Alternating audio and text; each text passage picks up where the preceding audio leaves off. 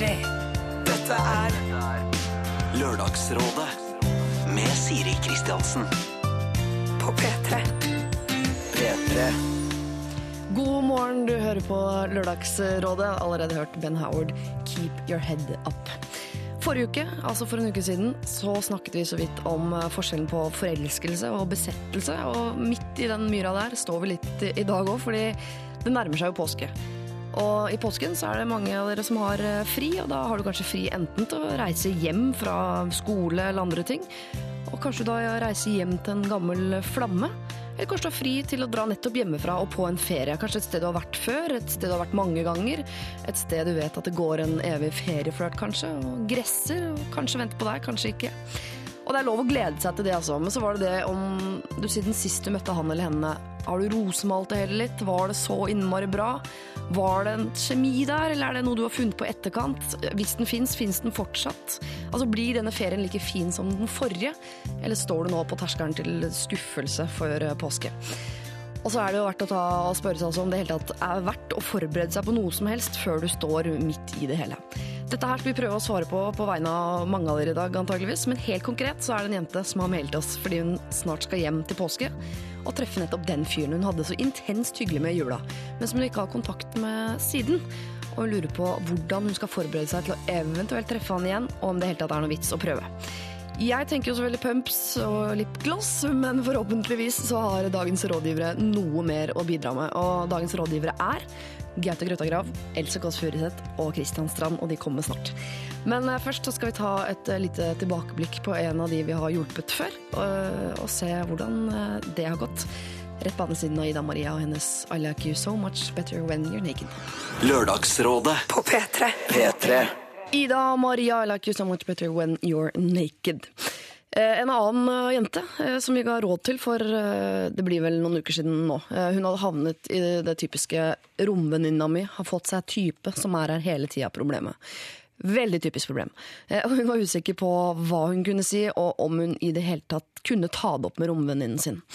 Vi hadde et uh, usedvanlig smart rådgiverpanel eh, her den gangen. og Det besto av da Christian Borch, Silje Therese Reiten Nordnes og Ulrik Imtias Rolfsen.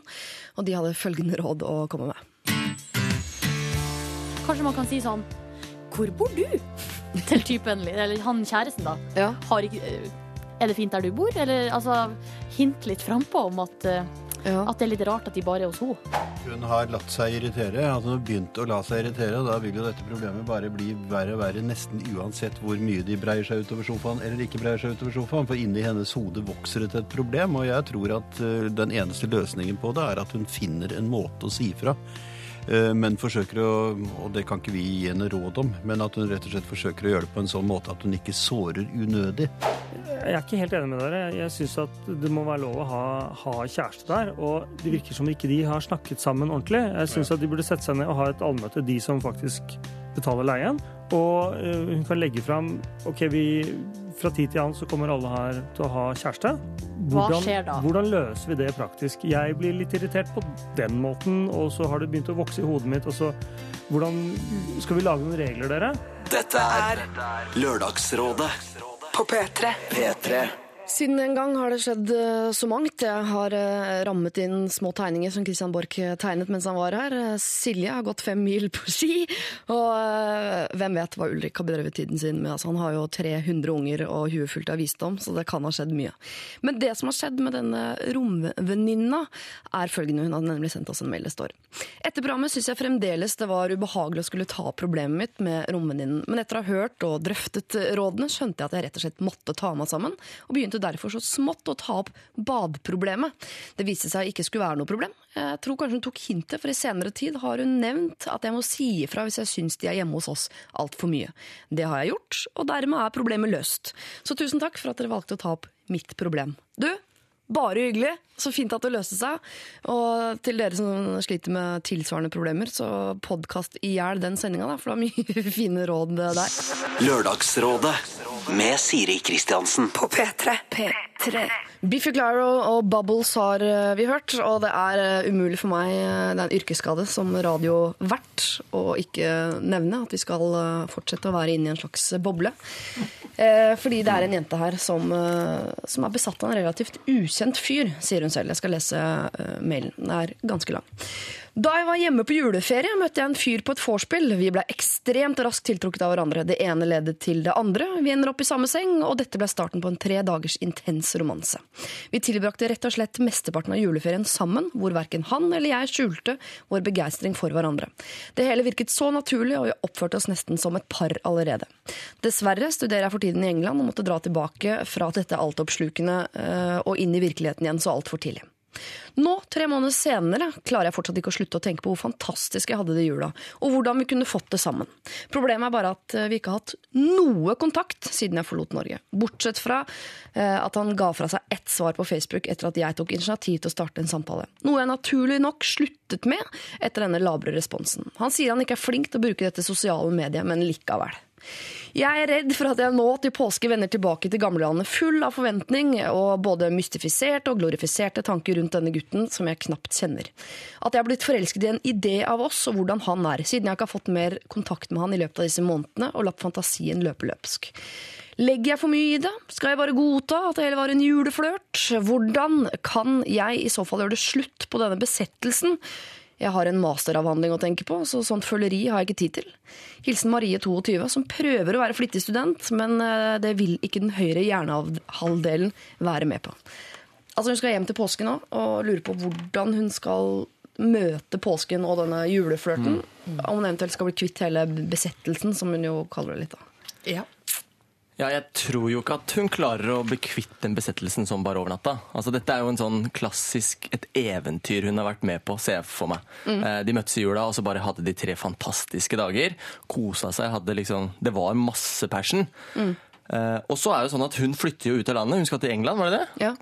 Da er det jo Hvis jeg hadde hørt det fra en jente at ja, jeg stikker til eh, England og er der og studerer og sånn, så, så skal det litt til før jeg liksom begynner å velge å involvere meg i det prosjektet. da. Og det kan hende at han har gjort, altså, selv om han er dårlig på Facebook og sånne ting. Men, eh, og hun kan jo da begynne å tenke litt sånn Å, nå kommer jeg hjem og sånn. For jeg husker da jeg studerte studerte i USA, så er det jo litt Så lå sånn du med- alltid med masse folk i- Veldig, da- veldig mange i USA. Nei, men det er jo sånn at Da begynner det jo eh, sånn som hun, da, når hun sitter kanskje der og ikke har så veldig mange venner. eh, det, er, det er litt sånn utenfor den eh, hjemmegreia. Så begynner man liksom å tenke litt OK, han som jeg møtte der, hva, kanskje det kan bli noe. Um, så hun kanskje over- overtenker litt. Grann. Sånn, men var det sånn at du hadde opplevd lignende ting? Eh, Ja, det var det. Jeg hadde en eh, som jeg var en del sammen med her hjemme. da. Mhm. Men da jeg dro, så liksom satte det litt sånn Ja, du, du velger å ikke involvere deg så mye mer. Men det er jeg- avstanden har noe å si. Og Og så så jeg avstand er mye helt enig, Kristian. Avstand, og så er dette med alder her. Hun er 22 år, Mm. og det er, føles veldig gammelt når man er 22 år, men det føles veldig ungt når man er litt mer enn 22 år. Mm. Og det betyr jo at du har muligheten til å gå litt inn og ut, og ha lov til det, tenker jeg. Eh, Sånn som han karen, da. Jeg er helt enig med han sitter sikkert og tenker sånn, hun der, eh, bortkasta energi Mm. når hun er borte. Men hun kommer til påske, nå han kommer til påske. Det spiller ikke rolle om han har ei dame i Oslo eller Trondheim eller Bergen eller hvor som helst. Det kommer til å bli sparkly igjen, Ja, ja. men da er det spørsmålet Er duka for utroskap, hva er det du sier? Ja, hvis de vil. Men det er jo ikke sikkert jeg vil. Kondisør, hvis jeg vil! Er det duka for utroskap? Men, det sånn at, men Marie 22 er jo Jeg har aldri sendt en så smart mail noensinne. Altså, hun oppsummerer jo alt her veldig godt selv. da. Ja. Eh, men jeg tenker at hun legger ekstremt mye at hun har sendt én ting på Facebook. Og Ja. tenkt masse. Han har bare svart én gang. Ja, du har jo ikke akkurat som at du har sendt liksom en bleiekake og arrangert babyshower for han heller. da. På en måte sånn, Det er jo veldig vanskelig å si her, vet du hva jeg- men jeg ville gjort. For, å vite, for det det er jo deilig å vite at den påsken blir litt, at du får noe ut av påsken. Jeg ville ringt nå, på forhånd.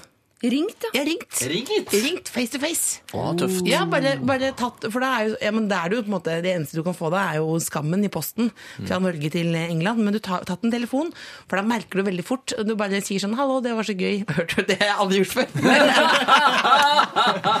Hallo, Det var så gøy. Ja, men, ja, men jeg ville tatt, tatt kontakt. Ja. Bare, eller, eller på Face, men han har jo på en måte sagt at det er jeg ikke så keen på. Men da får du et ekstremt sånn ærlig svar. Mm. Ikke kom hjem til påskekvelden, og så er han på hytta på Haugastøl eller et eller annet sted. Og, For det er en og risiko, faktisk. Det er selvfølgelig. Det er jo veldig mange som har lagd planer. Ja. Men kanskje hun eh, eh, Altså det at han ikke blei med å chatte på Facebook altså jeg, jeg vil si fra til alle nå, hvis det er noen av vennene mine som hører på. Eh, Ikke gjør det med meg. Jeg klikker når folk skal snakke med meg på Jeg syns det er en uting. Slutt med det. Men du må gjerne sende en melding som jeg kan svare på når det passer meg. Altså når alt er på mine premisser. Du Det ikke på meldingssystemet, sendte via chat. Ja, Ja, ja, ja. for de var sikkert på Facebook Men det samtidig, og det kan enhver bli litt sånn stressa av. Ja. Men se- en- send en melding. 'Jeg kommer til å komme hjem i påsken'. Er du hjemme i påsken? Da kan vi jo Ja, gjør det. Ikke ring, men selvfølgelig. Jo, Du kan ring- ringe og Ja, kult det, da. For å høre med en gang Å ja. Hvis hun sier det Hei, det er Marie som ringer. Å ja. Da, da er det dårlig. Ja, hvis- Hei, Marie som ringer. Hei! Det er bra. Ja, men nei, nei, da er det, sånn, hvis noen sier «Hey!» så bare dra et annet sted, dra til India, ikke dra hjem, liksom. Men jeg tror egentlig, hvis jeg skal være helt ærlig, alle gutter vil ikke si ring, send en melding på Facebook. Ja. Eh, Men så konkret som mulig. Hva skal du? Jeg skal det. Det har vært gøy å møtes eh, disse, disse, disse dagene. He- Litt sånn, så du kan bare banke det. Send hele kalenderen i Outlook. Ja, den, men- den, den datoen kan jeg. Da er jeg på Haugastøl. Det er litt av en luke.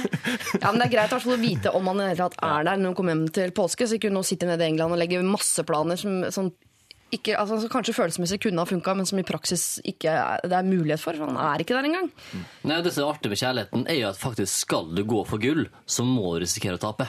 Så Ja. hvis hun går inn med en sånn derre ah, nå skal jeg bli skuffa, skal jeg ikke bli skuffa, jeg vil ikke bli skuffa, da vil hun heller ikke få den der gullfølelsen, tror jeg. da.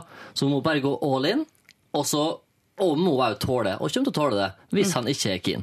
Men så jeg hun skal ta med i beregningen her at hun er i England og skal være det lenge og har liksom muligheten til å bli sendt med noen dager her og noen dager der. Er det nå i livet hun skal gå all in? Nei, altså jeg tenker jo litt som Gaute sa, at uh, når man er 22 år, så tenk på at ting ikke alltid skal være for alltid. ikke sant? Når du er så ung, da. Jeg vet det er vanskelig, men man må kunne nyte noe også. Bare gå inn i påsken og ha det gøy. Ikke tenk at dette er liksom, nå skal jeg kjøre på, jeg skal bli sammen med han. eh, Jeg må liksom legge planen for resten. Hvis ikke dette går, så faller alt. Mm. eh, og jeg tenker sånn, De hadde det kjempebra tre dager i jula. Prøv å få tre eh, fantastiske dager i påsken også, og så får man heller bare ta det derfra. Istedenfor Ja. for å gå inn med en gang og tenke sånn, ok, nå må jeg gjøre det riktig, for nå skal vi bli sammen, og sånne ting. Men det bare prøv å få den følelsen du fikk imponerende med tilbake. tre dager. da. Ofte så er det bare én dag en kveld, og så Ja. aldri mer. Det er Ja. veldig bra. Ja. Ja, Tre dager er lenge, det. Men jeg mest sannsynlig har noe tapt seg, da. Fordi folk er generelt penere i juleferien enn i påskeferien. Hvis ikke de har ferdig bronsa med noe self-tan og sånn. Men nå er det gusten periode. Er det vår, er det vinter? Mens i jula så er det jo den der, har du den Hugh Grant-gløden. Som man får av å være hjemme og liksom ribbetid. Ja. Eh, Så det er, mest sannsynlig så vil det bli en nedtur. Men hvis Nei, har vært mye, på ski i starten, så er det jo veldig brun i ansiktet med en solbrilleskille. Og etter påsken, Ja, ja. sånn helt annen periode. ja, ikke sant? Da begynner det virkelig å blomstre. ja. Ja, kanskje møtes mot skjærtorsdag, og ta den siste helga sammen. Ja, og så kan du invitere han over til å, å feire 17. mai i England. Det er alltid veldig gøy. Det er stas! Det er veldig gøy. Ja. Nå legger vi planer framover her. Jeg, Ja, ja, men det er viktig vi å ha litt om å- eh, prosjekt, da. Ja. Jeg tror i hvert fall, Når hun sier 'besatt av relativt ukjent fyr', som hun jo åpner med, så tenker jeg at den besettelsen må vi roe ned litt. At hun heller må nå møte påsken som hun møtte jula, med helt blanke eh, Altså uten noe for mye forventninger. Kanskje hun får de samme tre dagene om igjen. Men hun må jo være klar over at nå etter påske så er det repeat fra jula. Han skal tilbake til England. Og han kommer ikke til å være noe sånn plutselig åpne seg opp som en sånn guru på Facebook. Han liker ikke sosiale medier. Han kommer ikke til å bli en evig flak på Facebook. Og i England så kommer faktisk våren eh, som regel tidligere enn i Norge. Så Ja. fra april så er det faktisk utepils og god stemning blant studentene i England, og da er det lett å bli forelska, for å si det sånn. Ja, ta... Been there, done that. Ja. Gaute har studert i England, faktisk. Ja, altså, jeg kjenner det. Vi studerte i Liverpool, da. Og det Ja. var jo regn. Det Eh, er sykt med fine damer, jeg har hørt. eh, nei, Men du var Don Juan. eh, ikke i Liverpool. Nei. De, de skulle bare ha skinheads som så ut som hooligans. Så vi Ian Rolf Arne vi leverte dårlig. Må elske det. Lykke til, da, eh, Marie 22. Jeg håper, jeg tror vi er fire stykker her som håper at hun får en eh, veldig veldig bra påske. Men ta finne ut på forhånd om han helt tatt er der, så ikke du drar hjem nå med masse forventninger som er helt, helt umulig å innfri. Hvis han er der, så er det lov å håpe litt grann på, om ikke annet, i hvert fall en eh, repeat av jula. Ta kontakt. Hva er hun gærne, gærne dama? Hva er hun gærne dama? Hilsen Elsk oss Furuseth. Dette er Lørdagsrådet med Siri Kristiansen. NV1 Song før det Ingrid Olava og hennes eh, Black Box her i Lørdagsrådet. Vi var usikre på uh, hun uh, jenta som vi nettopp ga råd, som studerer i England, skal hjem til påske og håper å møte igjen en gammel juleflørt. Litt prat om hvorvidt, uh, hvor lenge hun skulle bli i England.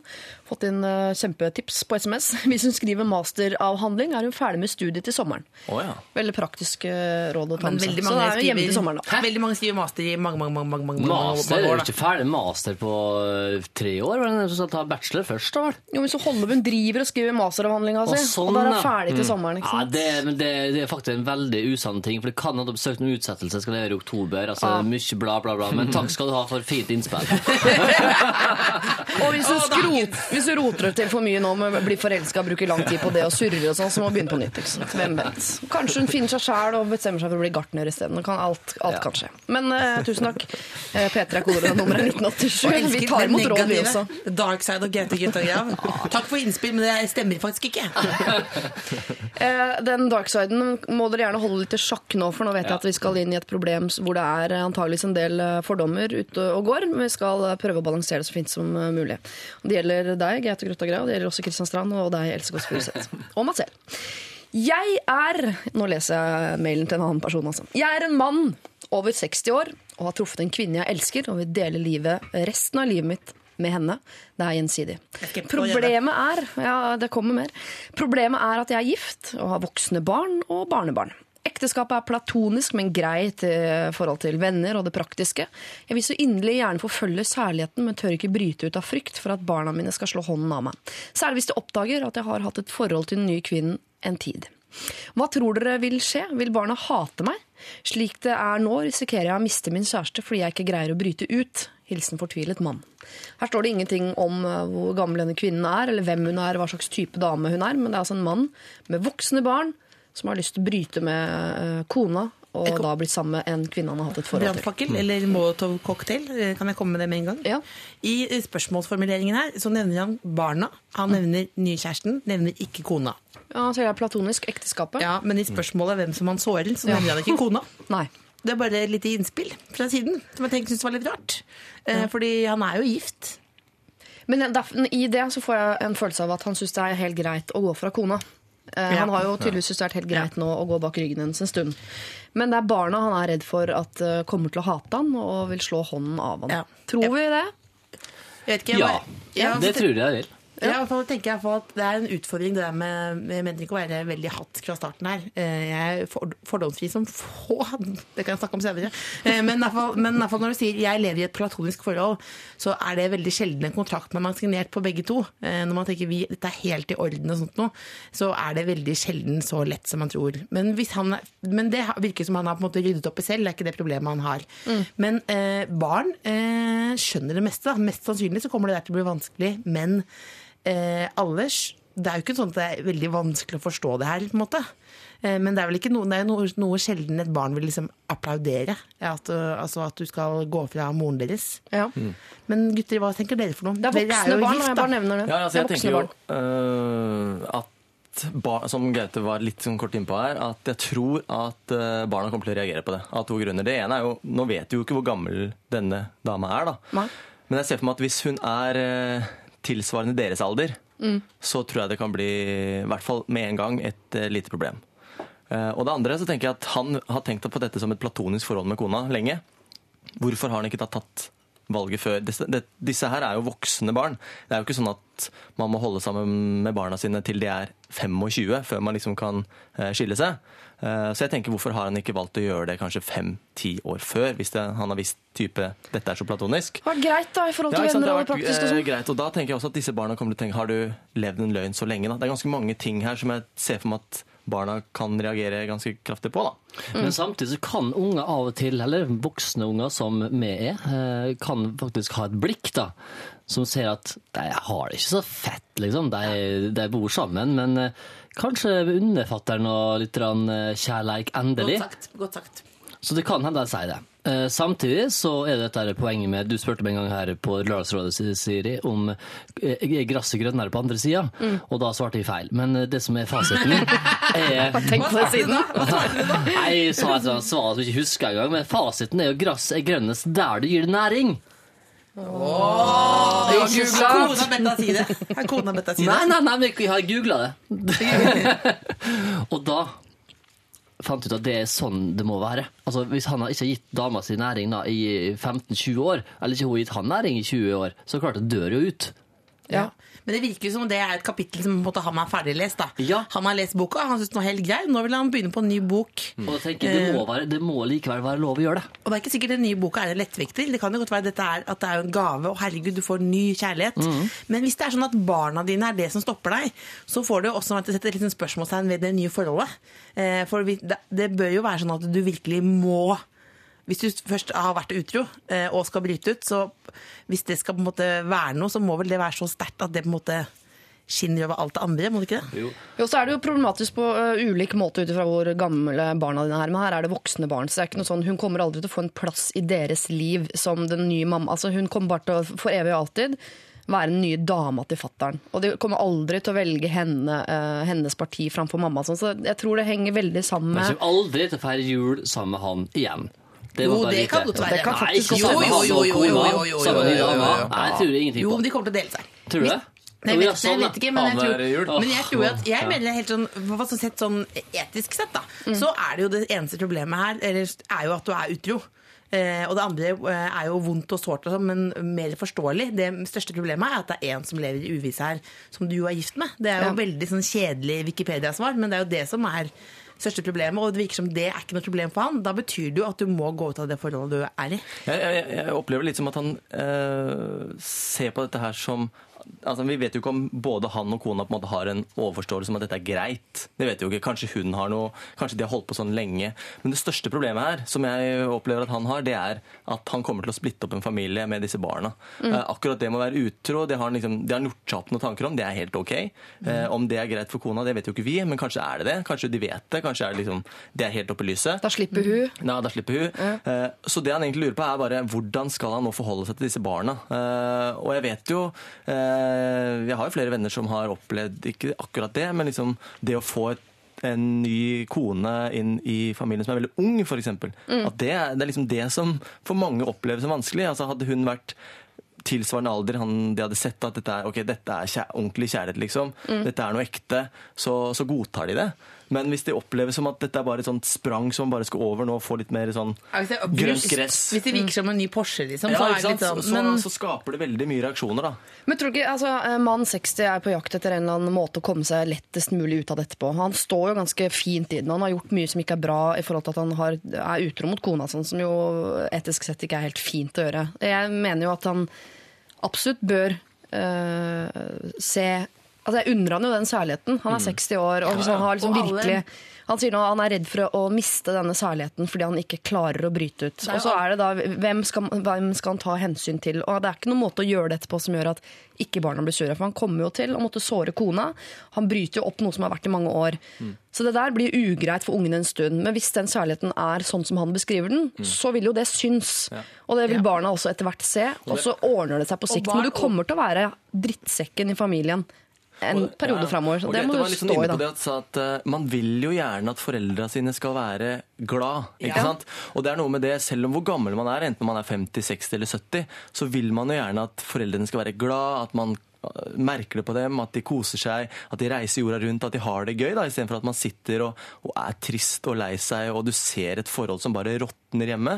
Og når man liksom du har bikka 20, så oppdager man jo en, får jo et Ja, ja. sjokk, og man skjønner at foreldrene dine er faktisk helt vanlige mennesker.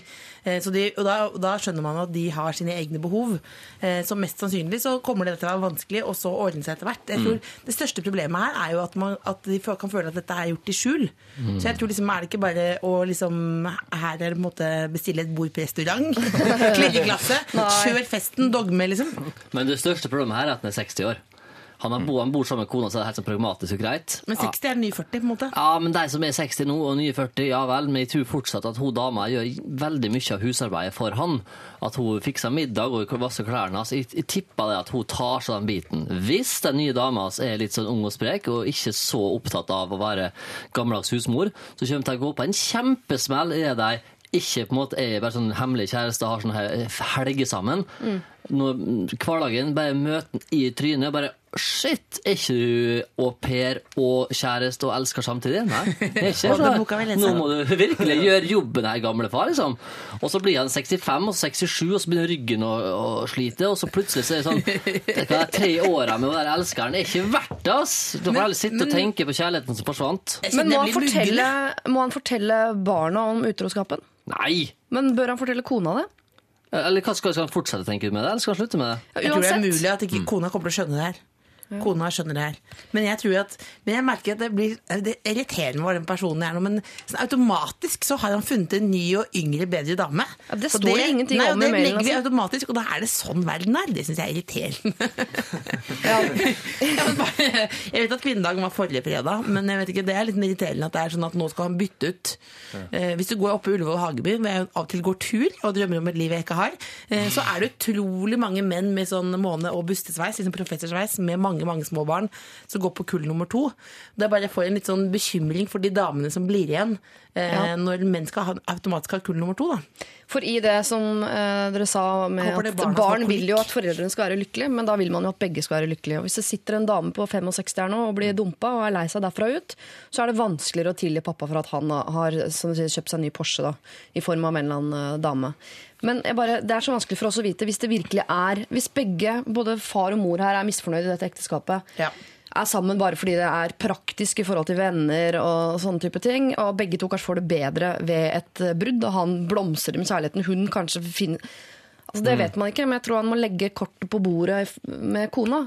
eh, og fortelle om utroskapen og se om hun da sier sånn Nei, det godtar jeg ikke, nå skal jeg kjempe for kjærligheten. At de kanskje finner tilbake til hverandre. Eller om hun sier ok, det aksepterer ikke jeg, og kaster han ut. Jeg tror han, han finner ikke ut av dette her midt oppi den greia. Nei, og så tror jeg bare at man må se om den Porschen han har kjøpt, da, eller begynt på nedbetaling på, om den han vil begynne på det. For det er veldig vanskelig å holde en Porsche ved like. Eh, så du må på en måte skjønne om du vil gå for det. Og da må du jo bare gå for det. Ja. Og utroskap er jo generelt en veldig dårlig start på et forhold også, fordi at det er et eller annet sånn en sånn uggen start. Det er Ja. så vanskelig, å- du kan ikke prøve å lyge det. 'Å nei, jeg møtte henne i går.' Nei. Altså, det, skjer, det er et eller annet som skjer der, og det Men ikke si alt til barna. jeg mener Det er det du ikke vet. Nei. Det har du ikke vondt av. Det er litt sånn Hvis du sier hjemme pga. sykdom, behøver du ikke å si at du var dårlig i magen. liksom. Nei. Bare ljug litt til barna. tenker jeg. Og så er det lov å ta en runde på sånn Jeg mener ikke at liksom Godt sagt. 60 er, som du sier, en ny 40. Det er ikke liksom 90, men du er over 60. Kona di også sannsynligvis over 60. Kan dere ikke bare kose dere hvis det er greit med venner og pakt? Kan ikke bare kose dere herfra ut, da? Jeg vet jo om en på 86 som har eh, et forhold til ei dame på 50. Og kona er hjemme. Eh, Jeg vet ikke hvor, hvor avklart det egentlig er eh, med kona. Men, men, men jeg tenker at dama driter litt i det. Ja. Kona. La han der mannen, 86-åringen med stiv stav, liksom. Da får han drive på og gjøre jobben til hun er ferdig med det. Kanskje er det sånn. Du, tror- du spør hva vi tror kommer til å skje. Eh, Jeg tror vi alle sammen er ganske sikre på at barna dine kommer til å bli sure. Kona di kommer til å bli lei deg. Og så må du ta en runde på om, om det er verdt det. Og hvis det er det, så må du stå i det. Eh, La de være sure. Kona kommer til å bli sur, ungene blir sure. Hvis den kjærligheten er så fin som du sier at den er, så kommer alle til å se det også på sikt. Og så blir det kanskje fint, men det er ikke før om noen år. Det er ikke noe lett vei ut av dette her. Men hvis det er den kjærligheten vi satser på, eh, så må du gjøre det. På godt og vondt, rett og slett. Vi kommer til å feire julaften sammen i 2017. Ja, kanskje. Hvis du er i live, da. Det var nok antageligvis eh, Lørdagsrådets eldste problem eh, i dag. Vi tar imot problemer i alle aldersgrupper, altså send det inn eh, på mail eller alfakrøll.nrk.no eller SMS P3 til 1987. Lørdagsrådet på P3. P3. Røyksopp og en av deres eh, mange fantastiske eh, samarbeid her med Karin Dreyer, Dreyer What Det Else Is There. den låten her, egentlig. Det er du som har laget den, ja? ja? Så i hvert fall veit det. Kast deg på saksøkerbølgen og send porno ut av det. Pleier, pleier ikke å gå så bra, det greiene der. Eh, vi har fått inn, eh, etter at vi snakker om eh, mann 60 år, eh, utro, eh, har lyst til å hoppe av kona og på ny hest, så har det kommet inn ikke mindre enn to mail med tilsvarende problemer. En, en jente som har sett at moren har klina med sjefen på julebord, syns det er problematisk, og en annen jente også som vet at eh, far, hver gang han er på hytten, så er han i praksis hos den nye elskerinneren, og begge lurer på om de skal ta det opp med foreldrene sine. Vi skal se om vi rekker en, en runde på det etterpå. Vi har også fått tilbakemelding på SMS. Nøyaktig dette skjedde med en venninne av meg, og dette var også hennes far. Han gikk til slutt ut av det platoniske ekteskapet og følelsesmessig ruinerte kona, som aldri hadde betalt en regning selv og måtte lære alle praktiske ting som mannen tok seg av. Barna, voksne barn, avskydde faren i lang tid pga. utroskapen, men nå, et par år senere, så er forholdet lappet sammen. Barna vil aldri ha det samme forholdet igjen til sin far, men de spiser middag sammen, de feirer jul sammen, og de har fått et platonisk far-barn-forhold. Ting er endret. Så da kan du jo legge det også i rådskuffen din, du mann eh, 60. Vi skal eh, til et yngre problem i hvert eh, øyeblikk, eh, som dreier seg om eh, bitte små babyer, eh, nattesøvn og festing. Hele den suppa der skal vi gjennom om eh, litt. Men først en tur innom Bislett stadion. Dette her er eh, Oslo S. Lørdagsrådet på P3. Jeg ser at Kristian Strand får et lite, en liten tåre i øyet når han hører Oslo S sin Bislett stadion og tenker tilbake på alle de rundene han har løpt der i sin ungdom. Det er mange runder, ass. Det er helt vilt, Hvor mange var er rekorden på 60-meteren? Og 6,90. Kult, kult. er rask, ass. Mm, Og her sitter han med nakkeskade og rådgiver det norske folk. Oi, oi, oi. Sånn går det. Sånn Sånn går går det. Det. elsker oss Furuseth er også her. Det er også du, Gaute Grøtta Grav, og det er eh, fryktelig trivelig. Og vi skal ta et problem som jeg tipper at Gaute har mest kompetanse på i rommet. Eh, Men jeg utfordrer dere, Else og Kristian, Ja. til å Ja, for du gift slenge dere på. barn, da, Gift uten barn ennå. Går an, det. Går an, det. De Eh, fleste gjør det motsatt i våre dager. Ja. Men jeg er veldig fan av det at man faktisk gifter seg først. Og så for unger, for akkurat som at nei, unger det kan vi få, men gifte menn, nei, det skal jeg i hvert fall ikke gjøre! Og så er det deilig å slippe av med unger i bryllup. For er det én ting som ødelegger en god fest, så er det småunger. Er si. Så jeg syns det er en jævlig ryddig måte å gjøre det på. Altså. Hei, hei. Mitt problem er som følger. Jeg har en baby på fire måneder som blir trøtt og legger seg for natten ca. klokka seks. Neste helg har faren til samboeren invitert oss på middag klokka seks. Da vi ble invitert, sa samboeren at ungen legger seg i den tiden. Og da sa faren hans at da er det bare å legge ungen hos dem. Problemet er at jeg syns ikke noe om å legge ungen for så å vekke han og kjøre hjem. Det tar ca. 45 minutter å kjøre.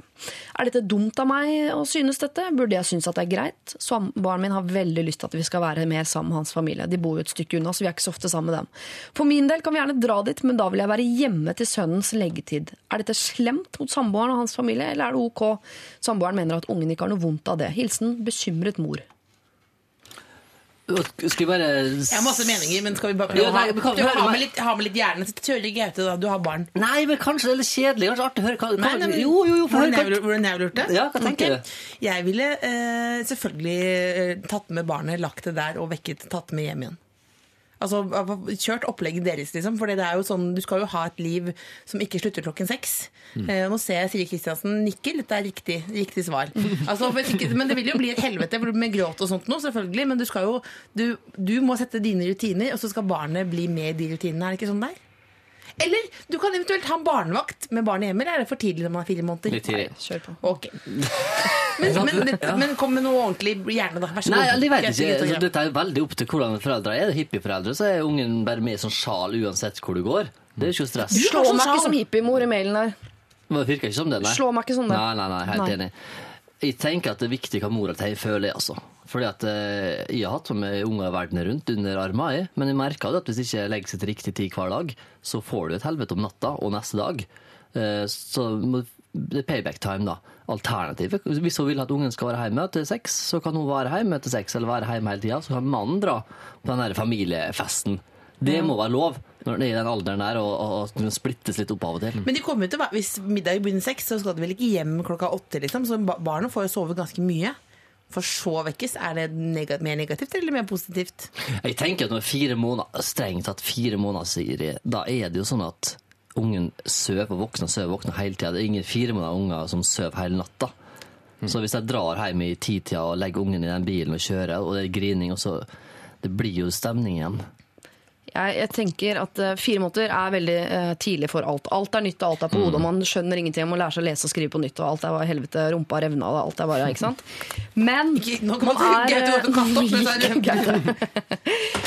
men man er nødt til å melde seg på livet. Man kan ikke slutte å spise middag hos svigers for eksempel, fordi man har fått seg barn. Eh, Altså Det barnet har veldig lite rutiner. Og jeg er helt enig i at det er fint å legge seg til samme tid hver gang, hver dag, og sånn, men man er nødt til å løsne opp og strikke litt. Hvis ikke så kommer du til å kjede deg i stykker innen det har gått to år. Det er sånne forhold som dette til her. svigers òg, da. Det er litt sånn åh, hun Jo, men- sure der, liksom. Hvis du ikke kommer.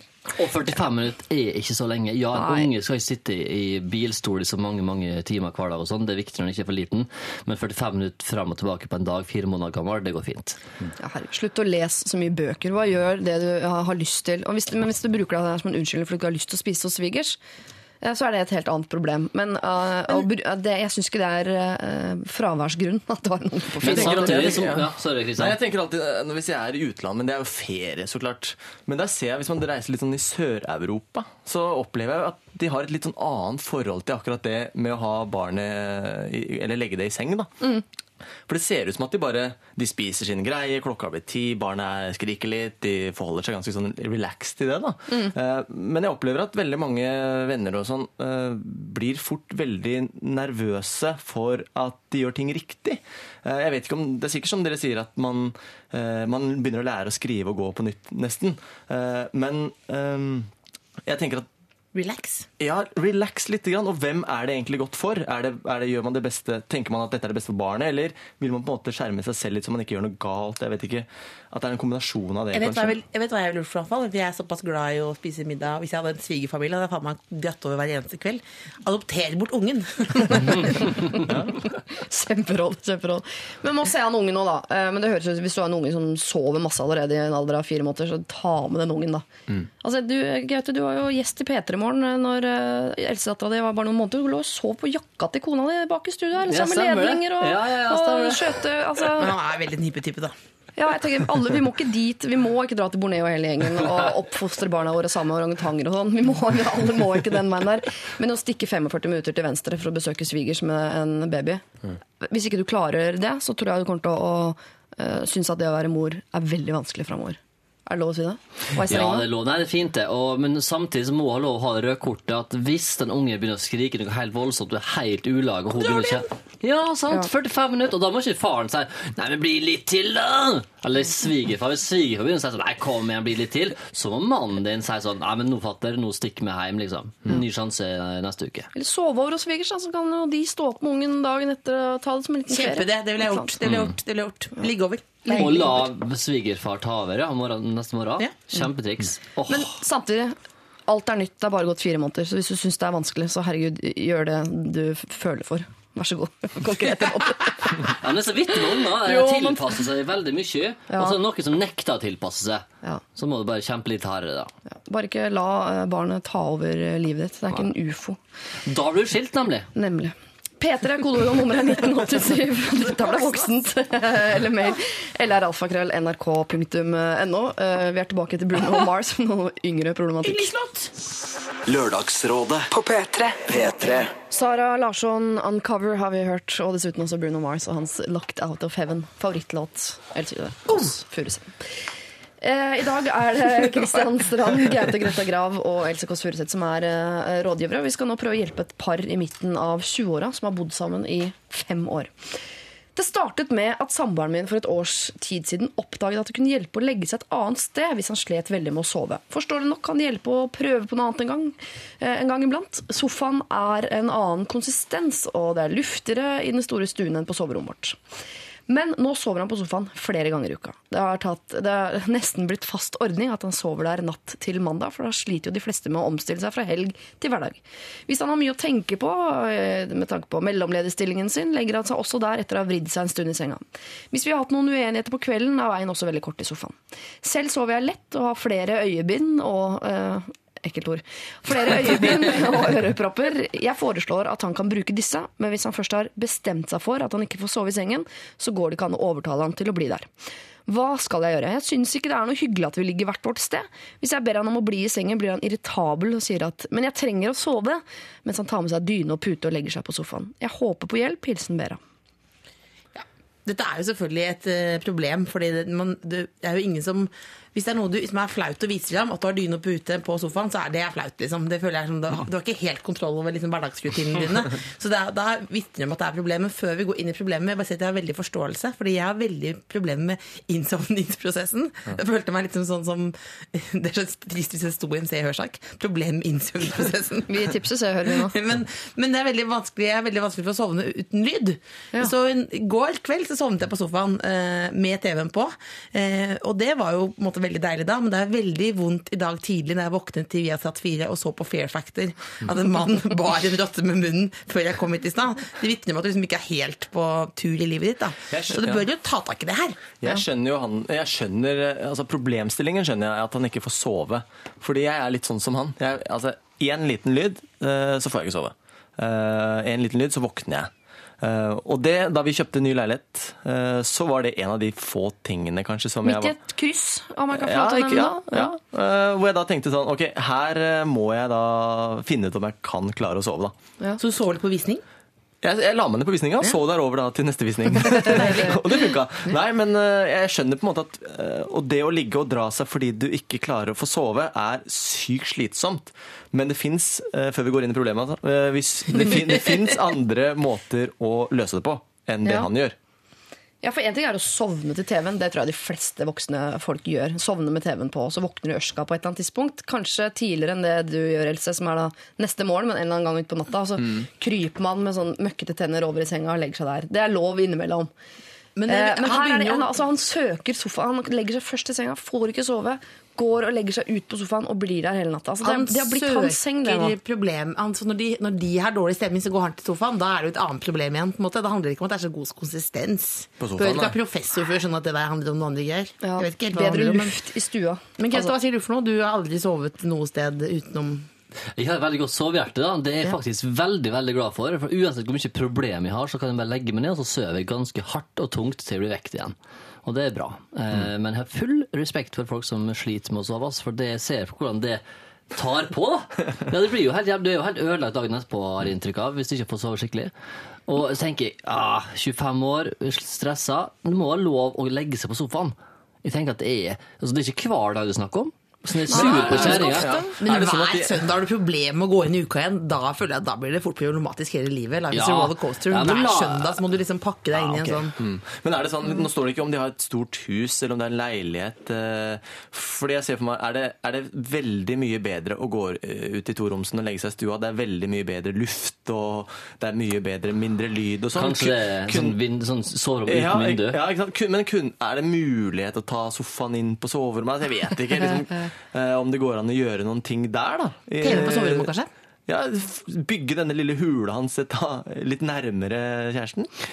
TV på soverommet er det jo ikke det et sånn typisk triks som, triks som en ikke skal gjøre, Uh, egentlig. Ja, men der er har jeg satt ned foten hjemme i, i Follo. Altså. Det blir ikke TV på soverommet. Beklager. Ja, fordi det er, på måte, du har, det er ditt sanctuary. På Ja. en måte. Det er den som. Ja. Uh, Men, det, men jeg skal kjøpe meg TV og ha på soverommet. Du, du kan gjøre det, du kan gjøre hva du vil, du. Ja. Det kanskje går feil vei Men i som- livet. Men Nei, men hør Nå sitter vi i Lørdagsrådet, og jeg tenker at en ting er søvnproblematikk. Det er sikkert slitsomt. Og det kan vi godt ta en runde på, men jeg bare merker at jeg syns det er litt viktigere med den kjærligheten mellom de to. Og den Ja.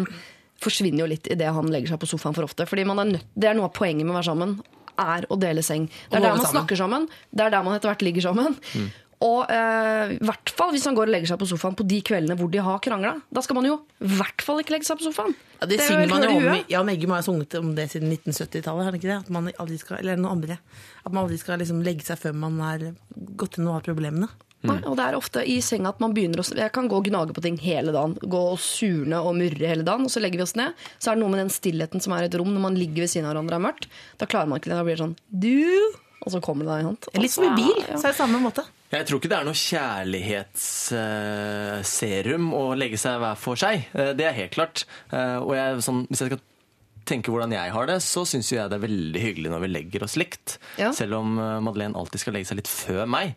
Når jeg er midt i en eller annen serie, så sier jeg åh, nå må jeg legge meg, liksom. Og da, da skjønner jeg at da må jeg også legge meg. Eh, Å, har du så kustus? Nei, ikke det, men jeg syns det er hyggelig, da. Ja. Jeg synes det er hyggelig, liksom. Jeg, jeg syns det er veldig kjedelig å sove alene. Det merker jeg. Jeg syns det er kjedelig liksom, å legge meg alene, for da tenker jeg ok, nå, er jo den, nå må hun komme snart, eller så.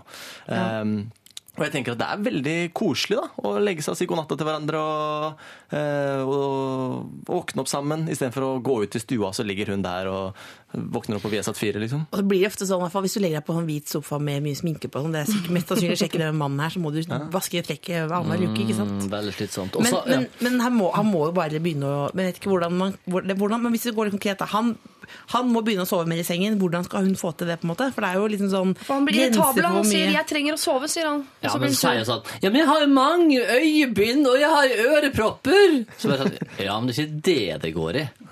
Ja. Men hvordan skal de De må jo Utrolig møtes. irriterende, da. Ikke parodier mer. Jeg må gå til scenen, da. Ring Latter. Det er god parodi. Jeg har mange øyebind. Ja, når jeg tenker meg godt om, så vil jeg heller faktisk ha lokføreren eh, på sofaen hjemme hos oss enn i senga med øyebind og ørepropper. Altså. Det må jeg være helt ærlig på.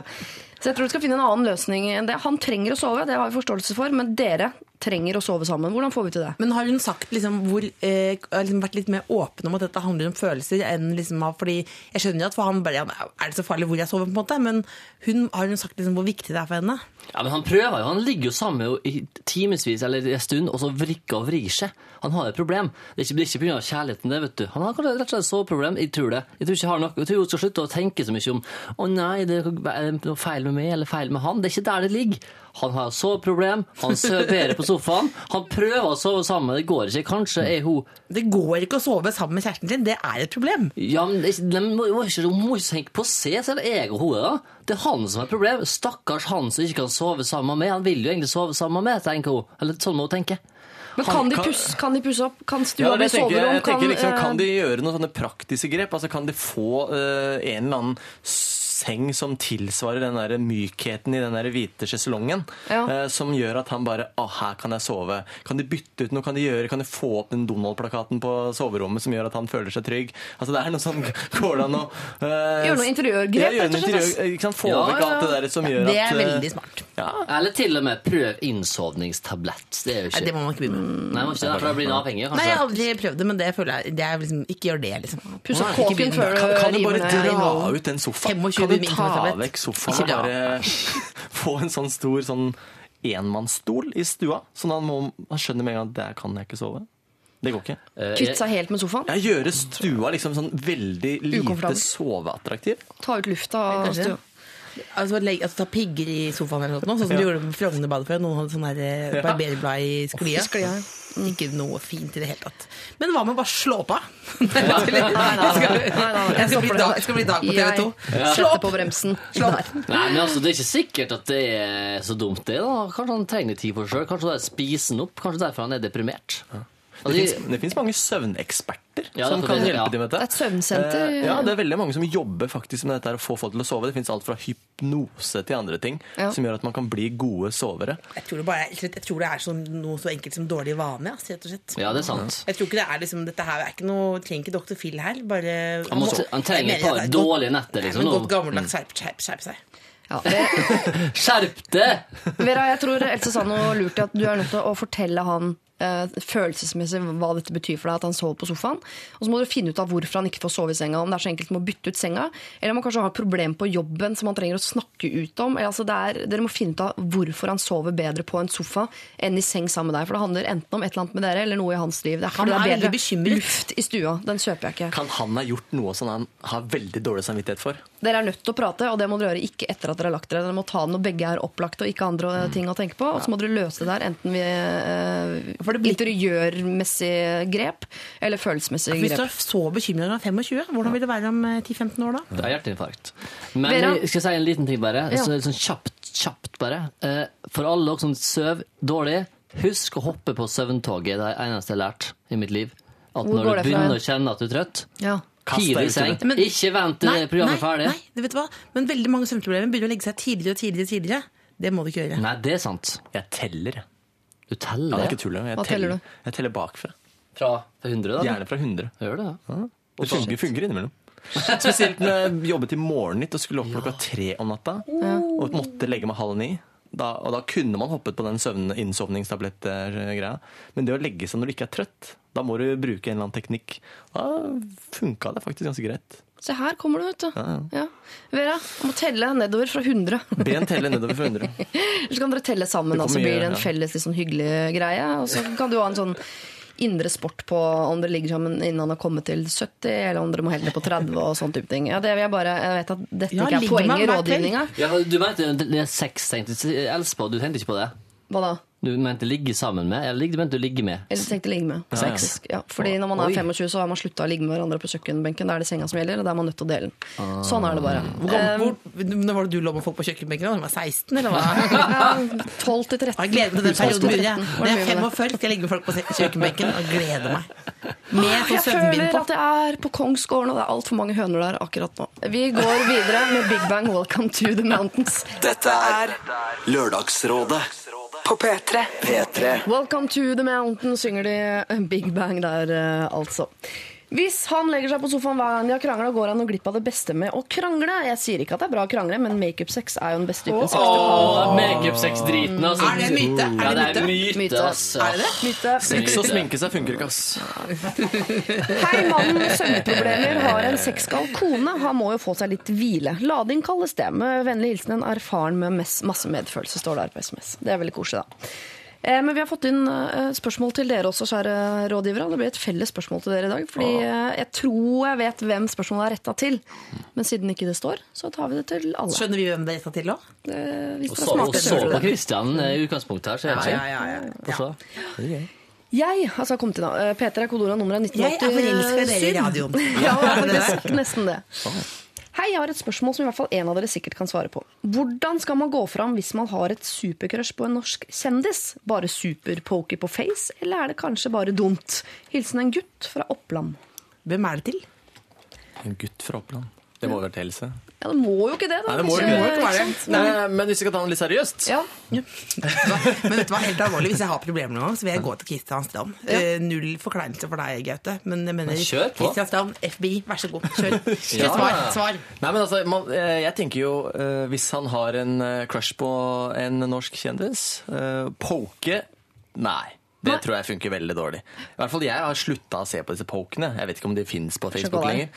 Men mm, ja, må, send, man kan jo sende en, eh, en melding i innboksen, men du må jo vite litt om personen, da. Ja. Om personen kanskje er litt mottagelig for å motta en eh, melding i meldingsboksen, eller om han, hun er gift, eh, har barn, eller våkner opp med Viasat 4. Altså, det er litt sånn Du må vite hvor personen står, Ja. kanskje. Men jeg tror de fleste syns det er hyggelig å få en hyggelig kommentar uansett. Men om du får noen respons på det, sånn 'nå sjekker du meg opp', det er jeg usikker på. Send et brev som er helt sjukt drøyt. Nei, nei, nei, jeg bare tuller. Jeg bare tuller. Stå utenfor døren. Ring alle døgnets tider. Nei, jeg vet ikke. Nei, men uh, Dette er jo veldig konkret. da. Det jo, uh, Facebook har jo revolusjonert tidsalderen. Jeg skal skrive en bok om det neste år. Uh, den boken har kommet, dessverre. Men er det ikke at man skal sende en melding i innboksen? Er jo det mest sånn, er jo det mest sånn Du kan godt gjøre det, så er Men mest sannsynlig så kommer det til å gå over, da. Jeg vet ikke. Nei, men Poenget er at du må ikke begynne der, for da vil du ikke få noen eh, kjærlighetsrelasjon, tror jeg. For da vil du tenke sånn, okay, enda en fan, liksom. Men det du må prøve å gjøre, er å gjøre researchen din. Hvor går den dame eller mannen ut på byen? Og så må du reise til den byen, om det er Trondheim eller Oslo, eller Bergen, som noen til og med bor i. Um, og så må du bare henge i baren sammen med og bare sånn Hei, går det? Hei, og så må du score litt, og så hun la profil den dagen, en score liksom, og så neste gang ute må jeg jo møtes, og så må det sånn, hei, hvordan går det? Og så må vi sånn tilfeldig bumpe inn i hverandre noen ganger, så kan du si, hei, er du keen på en kaffe? Dere snakker som om dere har opplevd det her, eller? Hvordan er det? Dere er liksom norske kjendiser som får sånne brev og meldinger. Gjør dere det? Jeg har ikke fått så mange brev, nei, veldig lite brev. Eh, Før så fikk jeg veldig mye brev. Eh, Da jeg var i Cæsar. Men det var, da liksom, det var før eh, Facebook og hele den greia. Så jeg har jo Har du spart på dem? Ja, jeg har bærepose med sånne brev. Da, og bamser og sånne ting. Det var veldig hyggelig. Du er jo Men- popstjerne, Ja, du? popstjerne, vet du. Skal, ja. Ja, Men eh, det, jeg merket, det jeg opplevde her en dag, det var litt morsomt. Fordi jeg var ute. Det er ikke så ofte faktisk at jeg er sånn ute, ute, ute hardt på byen. Nei. Men da dro vi på Bar Vulkan i Oslo. eh, og da merket jeg at damene de er, liksom, de er fortsatt på, da. Eh, og da sto, og da, deilig, Ja, veldig deilig. Men da, sto, da fikk jeg oppleve det. Eh, jeg sto, sto der, og så kommer det en dame bort, og så sier hun Vet Madeleine dette? ja, Og da sier hun 'her kan jeg stå'. her er det trygt å stå ved siden av meg, da. Å, det er så slitsomt å løpe rundt her, og du er jo gift, så her er det jo trygt å stå.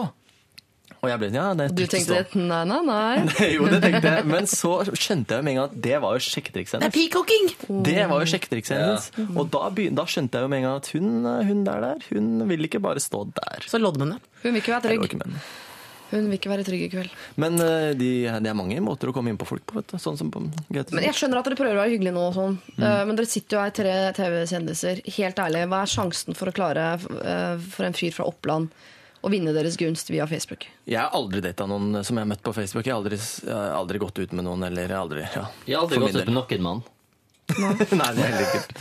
Um, det vet ikke, jeg En gang så eh, Kom med det! Der, ja! Særlig det, Er det altså. mulig å sjekke opp via Facebook? Else? Nei. Hilsen gutt Oppland. Nei, Facebook er veldig Nei, Facebook er liksom så Det er liksom sånn Hvis du er medlem på Sukker, da, på en måte, da, ja. som jeg har vært en gang, så er det bare det hele det hele derre Nå skal jeg logge meg inn på dataen min! En veldig ensom eh, eh, handling for å finne kjærlighet. Det er noe veldig sånn hele Jeg syns hele internett, eh, altså sosiale medier, Twitter, hashtag, alt det, syns jeg er liksom det motsatte av kjærlighet, hvis jeg skal være helt sånn ærlig. Ja. Så for meg så er det veldig sånn langt fra. Eh, altså jeg, det eneste jeg skulka noen gang, er EDB. Det er det eneste jeg har tenkt. Jeg kan fortsatt ikke touch. Så for meg så føles det helt sånn uinteressant akkurat det, da. Men en gang eh, så kyssa jeg en fyr fordi han var så fan av Morten Ramm. så det kan jo noen, noen ganger så renner det jo, drypper det jo litt grann på, klokkeren. på klokkeren, liksom. Eh, så jeg vet ikke helt. Eh, men Så det gutt fra Oppland, hvis han skal ikke via Facebook, da, altså, hvor, hvor, kan han, hvor er det best å sjekke opp deg, for eksempel? jeg, har, Hvis vi, hvis vi ja, jeg er har ikke hemmelig nummer, jeg. Det er bare å sende melding. På SMS. Noe helt annet. Jeg, jeg, har to, jeg har to venner som faktisk eh, har sjekket opp, nei, blitt sjekket opp på Instagram. Oi. Og det, er litt sånn, det visste jeg ikke nesten at var mulig, men eh, Var det tatt bilde av da? For å, altså, Nei, Det ene var at vi var på en ferie, og så eh, så vi bare Vi gikk inn på en hashtag, som Else sa. sånn dette stedet, Så så vi det var et tilsvarende bilde tatt fra andre siden av bassenget. Ja. Uh, og der lå det to jenter, og så lika han det bildet. Og så skrev hun, da, hun skrev sånn type eh, My view is nice. Og så skrev han tilbake My view is nice too, sitting in the jacuzzi. In five minutes Ja, og så, så gikk de ut og begynte å Ja, det var veldig hyggelig. Så kule liv eh, folk har, rett og slett. Altså, ja. Men, eh, men, eh, Men altså, hvis du er jente da, og skal sjekke opp en gutt, så er det mye enklere. For jenten kan bare gå bort og si sånn Å, her var det fint å være. Vil du Her var bli det med hjem? å stå. Ja, det som jeg gjort da jeg var yngre, så må jeg innrømme at det, jeg, det var mange ikke kjente som vi ble kjent med på den måten. på den måten. Eh, Ja. Ja. Så det var hyggelig, eh, det, da. Men det er jo alltid bra med sånn face-to-face-kontakt. da vil. Ja, det er Vi- det vil si alltid vinner, liksom. altså, det, er jo, vi ser, det er jo en serie nå på MTV, Catfish, hvor folk skal møte noen de har chatta med i åtte år. Og, sånt nå.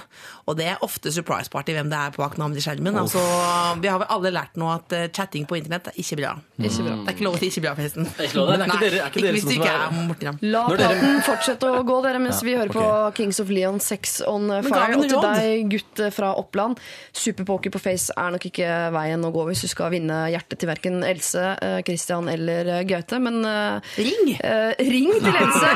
Eller finn ut av hvor. Christian og Gaute står i eventuelt en bar. Men eh, de er jo begge godt gifta. Det skal du være klar over, altså. P3. Lørdagsrådet på P3. Maria Mena, dette her, og hennes siste låt som heter Fuck You. Det kan jo være litt deilig å si noen ganger. Altså Kings of Leon før det med deres Sex on Fire. Vi skal over til eh, sånn et klåfingra problem. Vi holder oss ved bardisken, hvor vi allerede har stått nå en liten eh, stund. Gaute Gutta Grav, Kristian Strand, Else Kåss Furuseth eh, og jeg. Eh, Jeg leser. Hei, Lørdagsrådet. Vi er to jenter som har ett problem. Vi har en god venninne som har fått seg kjæreste. Kjæresten er en dødskull fyr, vi liker han godt. Eh, Og han er ofte med når vi møter da vår venninne. Problemet har dukket opp når vi alle er på byen sammen. Denne kjæresten blir nemlig litt klåfingra i fylla, også foran sin egen kjæreste. Det blir veldig ubehagelig når han diskré stryker også over rumpa osv.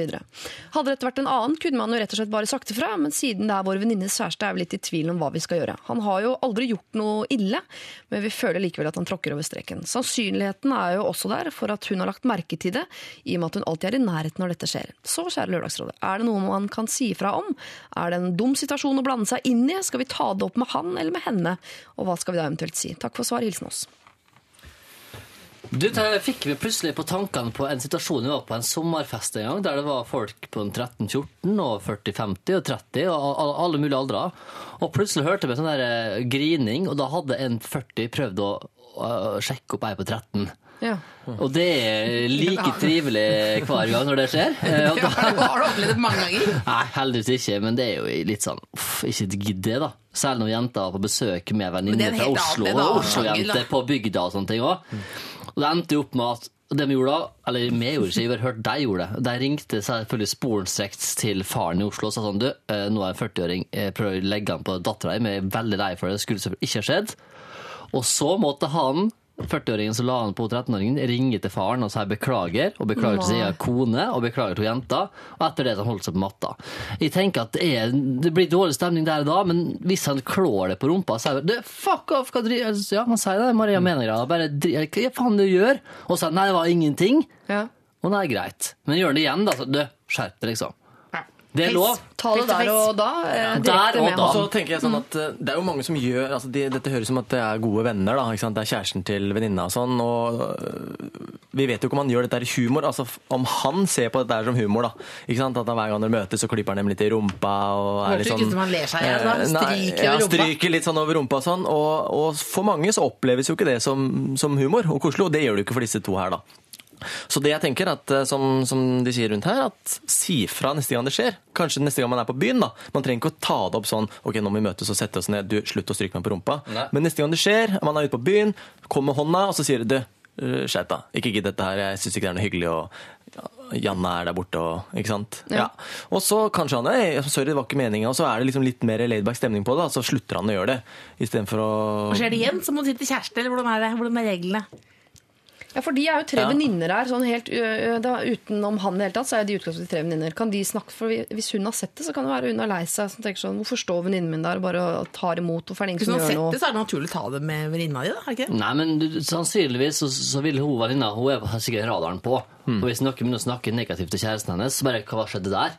Nei, faen, stryke stryk på rumpa her. Dette faen kan drive med med. Det kan være veldig vanskelig å sitte ved siden og når lokføreren til Siri stryker meg over rumpa. Så pleier jeg aldri å Det si unner noe jeg om det. Det unner jeg dere begge to. Men eh, det kan jo være han er sånn folkehøyskolefyr, skjønner dere typen? Eller Ja, ja. litt sånn stemning som sikkert er backstage på Idol, da, ikke sant? Hvor alle er litt sånn, det er mye klemming og kosing ja. og sånn stryking, og at han er veldig sånn?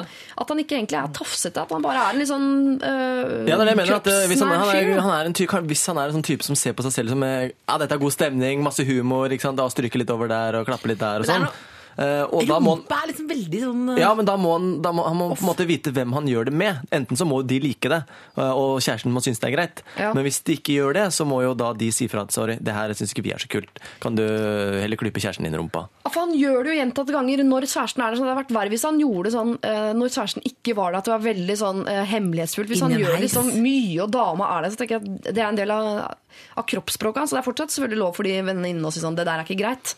Men det er ikke sikkert de Så har trenger du å de tenke typene, sånn litt sånn typene som bare tror de er med en gang du kommer på byen, som er sånn der Ei, alle liker meg, og jeg er så kul, og se på hvor sexy jeg er, og klyper alle og tror de skal få den responsen. Sånn. Det kan jo være sånn type òg. Ja. Ja, det du kan jo være sånn voksenhumor òg, da. Det Kan være sånn der, sånn Nei, det er der- humor. Jo, men han derre gærne onkelen i gamle referanse British Jones, uh, som er sånn som oh, ja. klyper alle i rumpa. Han med, lang, med lange, lang, lang fingre og dårlig humorsmak, Mm, liksom.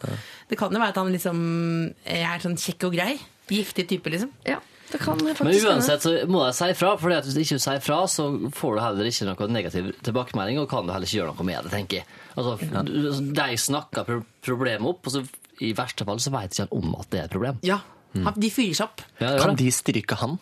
Tilbake. sånn Nei, det, og det, men det blir vanskelig å forklare. Ja, vanskelig jeg strøk bare tilbake for å sette et eksempel. det, hørte på radio at det er sånn det skal men Det kan jo være at det er den eneste måten han har å kommunisere med damer på. Det er jo dessverre noen gutter folkens, som ikke vet hvordan man skal kommunisere med damer utover eh, den eh, altså, tafse-varianten. Og så er det noen som faktisk, når du er fulle, eh, mister litt antennen og trodde jeg streik på dama si rumpe, og så var oi, det var visst eh, Nei, nei, Oi, jøss. Jeg får lov å si at det var det som skjedde dagen etter. Sveiseblind, liksom. Nei, men, men det er jo bare kanskje han bare er veldig veldig kåt. Gæren til damer, liksom. Han har lyst på å utro. Kan jo være det òg. Vi vet ikke om dette er humor, om det er kroppsspråket hans, om det er usikkerhet, om han er gæren, dust, eller hva som er, hvorfor han gjør det. Men uansett så Men tror jeg rådet blir. Mm. rådet blir for dere liker det ikke. Eh, Dere syns det er kleint både overfor dere selv og overfor den venninnen. Så det eneste dere kan gjøre her, det er ganske Kastrere han. kontant, er neste gang han gjør det, der og da, så sier dere fra hardt om at det der liker vi ikke. Og hvis han gjør det igjen, så får du si fra enda hardere. Men ta det med han, og ta det når det skjer. Ja. Ja. Bra sagt. Dette er Lørdagsrådet på P3. Mumford and Sons, 'Lover of uh, the Å, Åh, du avbrøt akkurat oss. jeg elsker å fortelle en kjempeartig historie, Siri. Du får aldri vite hva det var. Det handler ikke om meg nå, det handler om dere der hjemme. To Have and To Hold synger blant annet Mumford Sons i den uh, Lover of the Light-låta. Vi skal uh, ta et uh, gifteproblem.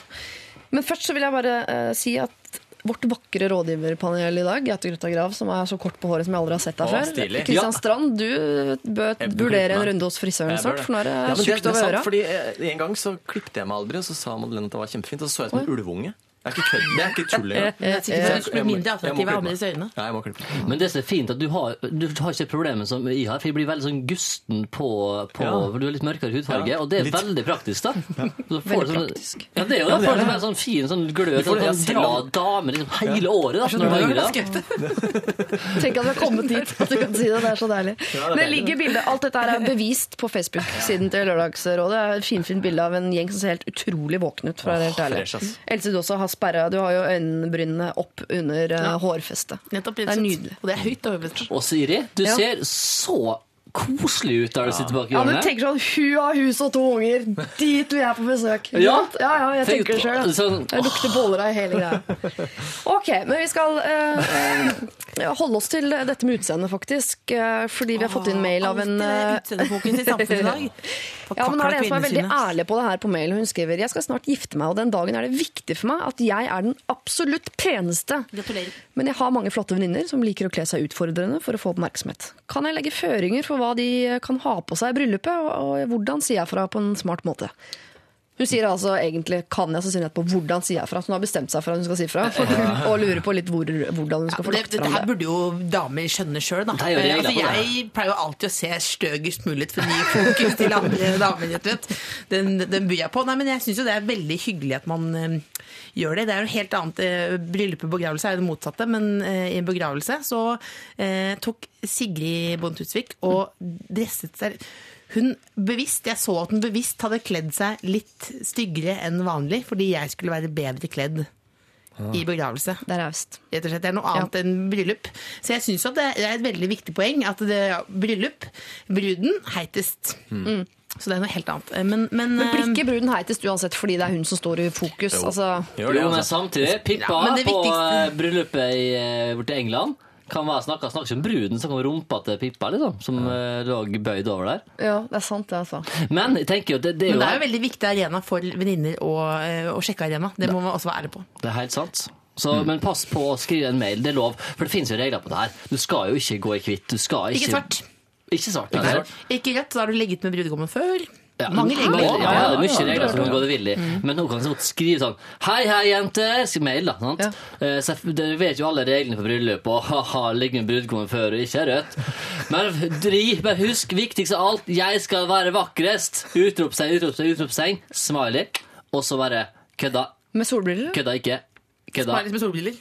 Oi, så Ja. Og legge med litt sånn forslag og sånn. Dette kan du Ja, ja, men litt sånn humoristisk da, ikke sant? Ja, dette Ja, kan du til- er det, Kommer de jentene til å bare ha på det minste, minste, minste Janelli.com, eller hva er det som skjer for noe? Hva er det, du sier fra det? Alle har jo så kjipe venninner som alltid skal komme i miniskjørt og bare eller minikjole og bare deie seg. Men sånn tror du, altså, er, er det sånn, Har man sånne venner som bare prøver eh, spontant å, eh, å overgå bruden? eh, eh, i, I bryllupet, på en måte. Jeg, jeg har jo nettopp gifta meg. Det var jo ikke sånn at jeg opplevde liksom at det var en konkurranse der. Fordi eh, Men Men du kan jo selvfølgelig si at de skal gå kledd i bunad, da. ja. Det er jo ondskapen sjøl. Jeg føler meg veldig fint, fin i bunad. Man kan leie bunad. Eh, for da, føler, da er man på en måte definisjonen på norsk sterk kvinne, liksom. Men det er jo ikke noe Det er jo ikke et sjekkeantrekk. Det er jo ikke noe du skal ha på Parkteatret klokka tre på natta. Eller gå i bunad sjøl. Jeg vet i hvert at du konkurrerer ikke med de andre i type kledning. Da. Men hun vil jo være heitest, så da er det jo? Ja. Nei, det syns jeg da Nei, det, Da blir det, det er ikke sikkert du blir den heiteste da. Men samtidig, livet er jo sånn da, at du kan ikke garantere at du er den heiteste i rommet uansett. Altså, tar du Tone Damli Aaberge, som er et fantastisk pent vesen, og hiver på henne en, en sekk, så vil det fortsatt være den heiteste dama i rommet. Det er ikke noe tvil om det. Sannsynligvis. Hun trenger den støtten nå. Det er veldig Men det er jo litt sånn, jeg, altså, Bruden er som oftest den vakreste, uansett uh, hvordan det er i, uh, i et bryllup. I hvert fall de bryllupene jeg har vært i. Så er det jo der fokuset ligger. Det er, din, det er den man ser på, det er jo den man på en måte tar inn. Men det, så klart, det kan jo være en tante som har eh, kjørt opp kløfta og dratt opp uh, skjørtet litt og ser ok ut, men det, er, det skal ganske mye til før du drar alt fokuset vekk fra bruden. Jeg, jeg leser det problemet her som litt todelt, for en ting er absolutt peneste, ja vel, det kan du nesten ikke kontrollere, men du vil antakeligvis være den som skinner mest i rommet, som får mest oppmerksomhet, som har den beste dagen. Så kos deg med det, så får du unne venninnene dine eh, å være fine den dagen de også. Såpass må man liksom eh, gi. Men det hun også sier er problematisk, er at de liker å kle seg utfordrende for å få oppmerksomhet. Det- det og det tenker jeg er et problem annet. utover bryllup. Helt enig. Og nå har hun anledning til å si fram det, da. At du har kanskje ikke så lyst på så mye kløft For det er det og eneste, rumpekontur da, i det er det eneste bryllup. som problemet er, egentlig. Fordi du må være raus og si sånn er bare pynt vi, liksom. Ja. Men kan du ikke bare skylde på noen andre? Si sånn at du, det er jo Jeg har liksom strikt familie, så hvis du bare roer litt ned på det horeimaget, så er det kjempeglad for det. Det for det er veldig mye annet som er fokus her nå, så bare det Svigers er, eh, svigers er dypt religiøse. Altså, Skyld på man- andre, liksom. Ja. Eller tante Olga får hjerteinfarkt hver gang hun ser ei kløft eller et eller annet sånt. Ja, ja. Det hørte man var, det hørte man var sånn sketsjenavn. Tante Olga og hjerteinfarkt. hver gang jeg ser kløft. Fette Fred blir så ufin når han ser Ja. pupper. Altså. Nei, men bare, bare ikke ha tits and ass, liksom. Ja. Men er det ikke litt sånn i, i et bryllup, hvis noen kommer veldig utfordrende, så, så slår det litt feil vei, tenker jeg. da. For jeg tenker sånn at ok, gutter er jo, Mange gutter er jo veldig enkle. Altså, ja, ok, De ser pupper og lår, og så og det, er, det er fint. Men hvis du kommer i et bryllup hvor alle på en måte har kledd seg veldig fint, fine kjoler, smoking, dress, og så er det noen som kommer med veldig sånn kløft utringning, Mm. så syns jeg i hvert fall at det slår helt feil vei. Eh, så hvis de da tenker at nå skal jeg liksom overgå bruden og kjøre på med pushup, PB og liksom For meg da, så ville det slått helt feil i bryllupet. Jeg ville ikke liksom tenkt at det tar glansen av bruden. Nei. Det For meg blir bare sånn OK, du, du har misforstått. Og ikke Det- ta bort pushup-en fra, fra kvinner. og Ta fram livsløgnen. Det må, må være lov å ha din kjempebukse. Ja, du vil jo at folk skal se bra ut Ja. på bilder du tar fra bryllupet òg. Ja. Og så når du sier ah, hun var litt, eh, litt stygg, ja, det går fint. Eh, Men, det, men ikke tenk så mye på den kjolen heller, tenker jeg. Altså, det er jo, jo, det er viktig med en fin kjole. Du har en fin, hvit kjole. Men putt pengene i løshår. Det er der bruden på en måte kommer fram, vet du. Med masse krøller, hår, bare mater på å gå inn som sånn derre Gudinne! Kom igjen, Grete, snakk! Mer, ja, Snakk, ja, men, helt, det, er jo helt, det er jo det som er sant. Der du ser hvordan damen ser sunn og frisk ut, er jo på, en måte på håret og ansiktet og på pushupen. Ja. Om, du har, om kjolen har eh, sånne perler nederst eller ikke, det er ingen som ser det. Jeg føler at eh, Gaute fikk testosteron Det er hvis i, er- cornflakesen. Hyggelig at du kom på besøk, Thomas. Så hyggelig.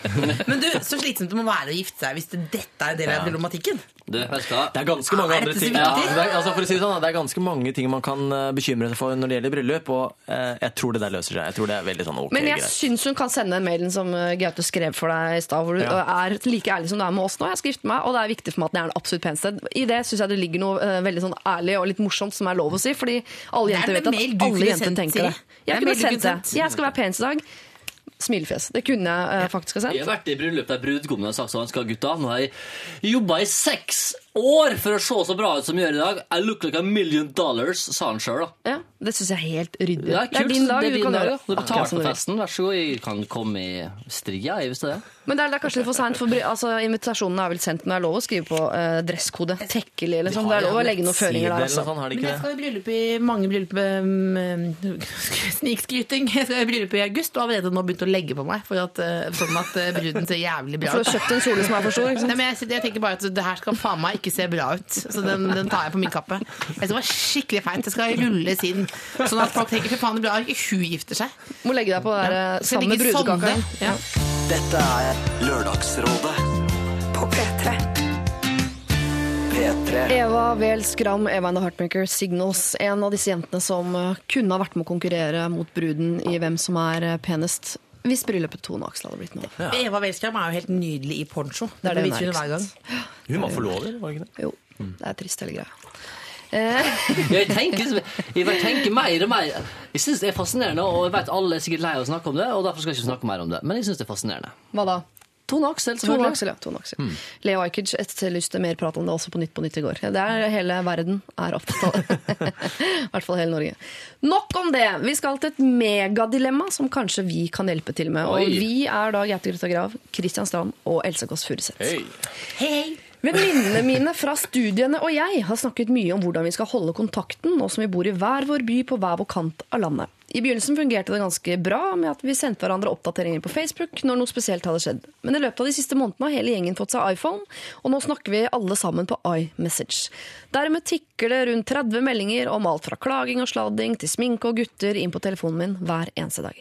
Og på toppen av, det hele virker det ikke som noen er særlig opptatt av å høre hva de andre har å si, de vil bare snakke om seg selv. Jeg vil gjerne vite hva venninnene mine driver med, men jeg syns alle meldingene er blitt for mye. De forstyrrer meg mens jeg er på jobb, og de vekker meg etter at jeg har lagt meg. Er jeg kjip som blir irritert av dette, og finnes det en måte jeg kan si fra om at jeg ikke vil ha disse meldingene mer? Jeg vil ikke at de skal bli lei seg eller sinte, og jeg er redd for å miste kontakten hvis jeg sier at jeg ikke vil høre fra dem. Hilsen fortvila venninne. Dette, er, dette tror jeg kanskje kan være noe av det vanskeligste i dag. Altså, hun vil jo selvfølgelig ha kontakt med venninnene sine, men litt mindre, ikke sånn, og litt mindre altså, Hvordan skal man få sendt de riktige signalene her uten å være eh, bitchen i gruppa? Det klassiske er jo litt ikke, Det vil jo gå i perioder, kanskje, men den slappeste måten å gjøre på, er jo ikke svare, da. Den slappe, det er en veldig slapp og langsom måte at alt i livet ebber ut, er at du gir null respons. Later som du er død. Men ja, sånn men det vil jo tikke inn i og med at dette er iMessage, for jeg har inntrykk av, uten at jeg skal eh, plumpe ut i en sånn teknologisk myr og drite meg ut, men altså eh, Jeg får inntrykk av at her sendes ut meldinger som sendes til alle venninnene, og alle får Det Ja, er ikke sant, på, gruppechat. ja, ikke sant? For på iPhone så er det sånn at uh, iMessage iMessage. er jo sånn uh, Når man er på nett eller 3G, så, så bruker man ikke noen kroner, og så kan man lage grupper. Da. Ja. Og jeg har jo faktisk en del sånne grupper, enten på, uh, på, gjennom meldinger eller sånn som kalles for WhatsApp. Hvor man da hele tiden feeder denne gruppa med masse bilder og, og samtaler. Og det er jo litt sånn man hopper inn når man har tid, og man hopper ut når man ikke har tid. Man sender noe innimellom. 'Her er jeg', eller og, og sånne ting. Og det er mer en sånn konstant oppdatering. Det er ikke en sånn jevn samtale. Det er litt mer sånn dette øyeblikket, så bare 'OK, nå er jeg her. Er det noen som er keen på en kaffe?' Ikke sant? Det er ikke mer sånn Du holder ikke en kontinuerlig samtale der. Det blir nesten som en bitte, bitte liten Facebook. Da, for, Ja, det er en altså, sånn bitte litt eh, intern gruppe da, som bare har sine ting. Men utfordringa her er at det er på den såkalte iMessage, da, som er den samme plassen som det sier SMS-meldingen din tikker inn. Sånn at du, tror, du tror det er tekstmelding, så bare åh, enda en melding fra ho, ja. Men da anbefaler jeg å gjøre sånn som Kristian gjør. Anskaff dere den appen som heter WhatsApp, for den er nesten gratis. Og så kan alle som ikke har iPhone nå være med på den appen. Og så trenger du ikke få melding hver gang du får en melding. Du kan skru av sånn notifications på den. Så du kan gå inn og sjekke når du vil. Hva har skjedd med damene? Drrr. Men Så du står det bare- sånn fem meldinger på sånn rødt oppi Men hjørnet. kan du ikke bare si sånn at eh, si sånn, du, jeg er, så, jeg er så busy, jeg klarer ikke å følge opp liksom, alle de meldingene. La oss prøve oss på WhatsApp. bare, men bare ikke bare å si det, liksom, også. Altså, Men da må alle andre slutte, da? Eller må meldes ut av gruppa? Jo, man trenger, ja, men man, jeg tror ikke man f- må føle at, liksom, at man må være på hver gang hvis vi fire hadde hatt eh, en gruppe. da. Og, og, og, og, så- ja, og så hadde vi sagt sånn, «Ah, vi møtes i dag». Ja, og Jonas, så klart. Og, da hadde man ikke trengt liksom, å føle at hver gang Siri sier noe, så må alle respondere. Kanskje det Gautesen responderer på den. Eh, og sånn er det jo ofte i sånne vennegrupper, at noen ganger så er det mer sånn OK, jeg er klar for en kaffe. Ja, men jeg er ikke klar for kaffe, da må dere, kan ikke dere vente til jeg kan Altså, Man må ikke føle hele tida at eh, man må unisont gjøre det samme, da. Men så er det sånn, vi ringer jo også selv om vi har sånne grupper. Og da kan man være mer sånn reunion og, og snakke litt om hvordan det faktisk går, da. For det gjør man jo ikke på en SMS. Det er liksom ikke sånn «Å, 'nå er det veldig kjipt'. og det, bruker ikke akkurat meldingene til det. Det er mer sånn instant. Men det virker som dette her plager altså forstyrrer henne på jobb, og hun våkner hun har lagt seg. Tenker sånn, det må jo være en eller annen altså, Det fins helt sikkert en eller annen metode å få skrudd dette Ja, av på, og du kan skru det på. Det må være koselig når du legger deg på kvelden for eksempel, og tar en liten sånn oppdatering. Kan du se hva venninnen din har gjort den dagen. Så kan du svare hvis du vil, og ikke hvis du ikke vil. Og... Og for å si det sånn, om et par måneder så er det ikke et problem lenger, for da har jentene fått seg nye venninner i sine egne byer og har ikke tida til å drive og oppdatere alle Nordstrand-gjengen om hva som skjer. Ja, og så er det alltid to som henger igjen, som, som sier fra hver gang de har knytta skoene sine riktig. Som er sånn, Ja, for det er litt sånn, tenk, bare tenk eh, når du ikke får meldinger. Det blir sånn, Nå har vi ikke noe kontakt. ikke sant? Det blir litt motsatt. Så kan du se det som positivt at de er jo veldig på. Nei, da, er, man kan Ønsker jo å si at det er et formidle. luksusproblem, for ofte så er det sånn at man ikke har eh, At man skulle ønske man hadde mer kontakt. Ja. Så, ehm, men kan man ikke bare si at liksom, det er veldig vanskelig for meg å følge opp, det, å følge opp den uh, greia? Eh, det blir for mye melding på mobilen min. Det er, er ikke det Har du det, sagt det, så har jeg tenkt Nei, det, det er vanskelig å si det uten å virke som hun Ja, du kan si det, da. Kanskje vi bytter? Ja. bytter aldri plattform. Kanskje, si Kanskje gå over til WhatsApp. er ikke enklere, folkens. Kan ikke hver sin prøve det. Det må Prøv lov, det. det. Eller er det sånn at jenter ikke kan snakke om? Jo, jo. Så ser du på Kristian Strand og spør om det, men men han, er, han er jo gift, han òg. Ja, selvfølgelig, selvfølgelig, selvfølgelig. Men, men, jeg, men jeg er jo venninne med Siri Kristiansen også privat. Ja. Eh, og da er det sånn at vi har begynt med litt sånn Ikke så gode på det nå, men begynt med litt sånne treff.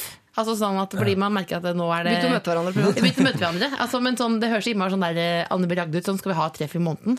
Eh, liksom voksent, men det fungerer veldig godt òg, for da får man liksom tømt seg veldig eh, Jevnlig. ja. Eller jevnlig og jevnlig, da. Men da, at man bare er litt bedre på avtaler da, når man ikke møtes i det hverdagslivet, jobb, skole, et eller annet.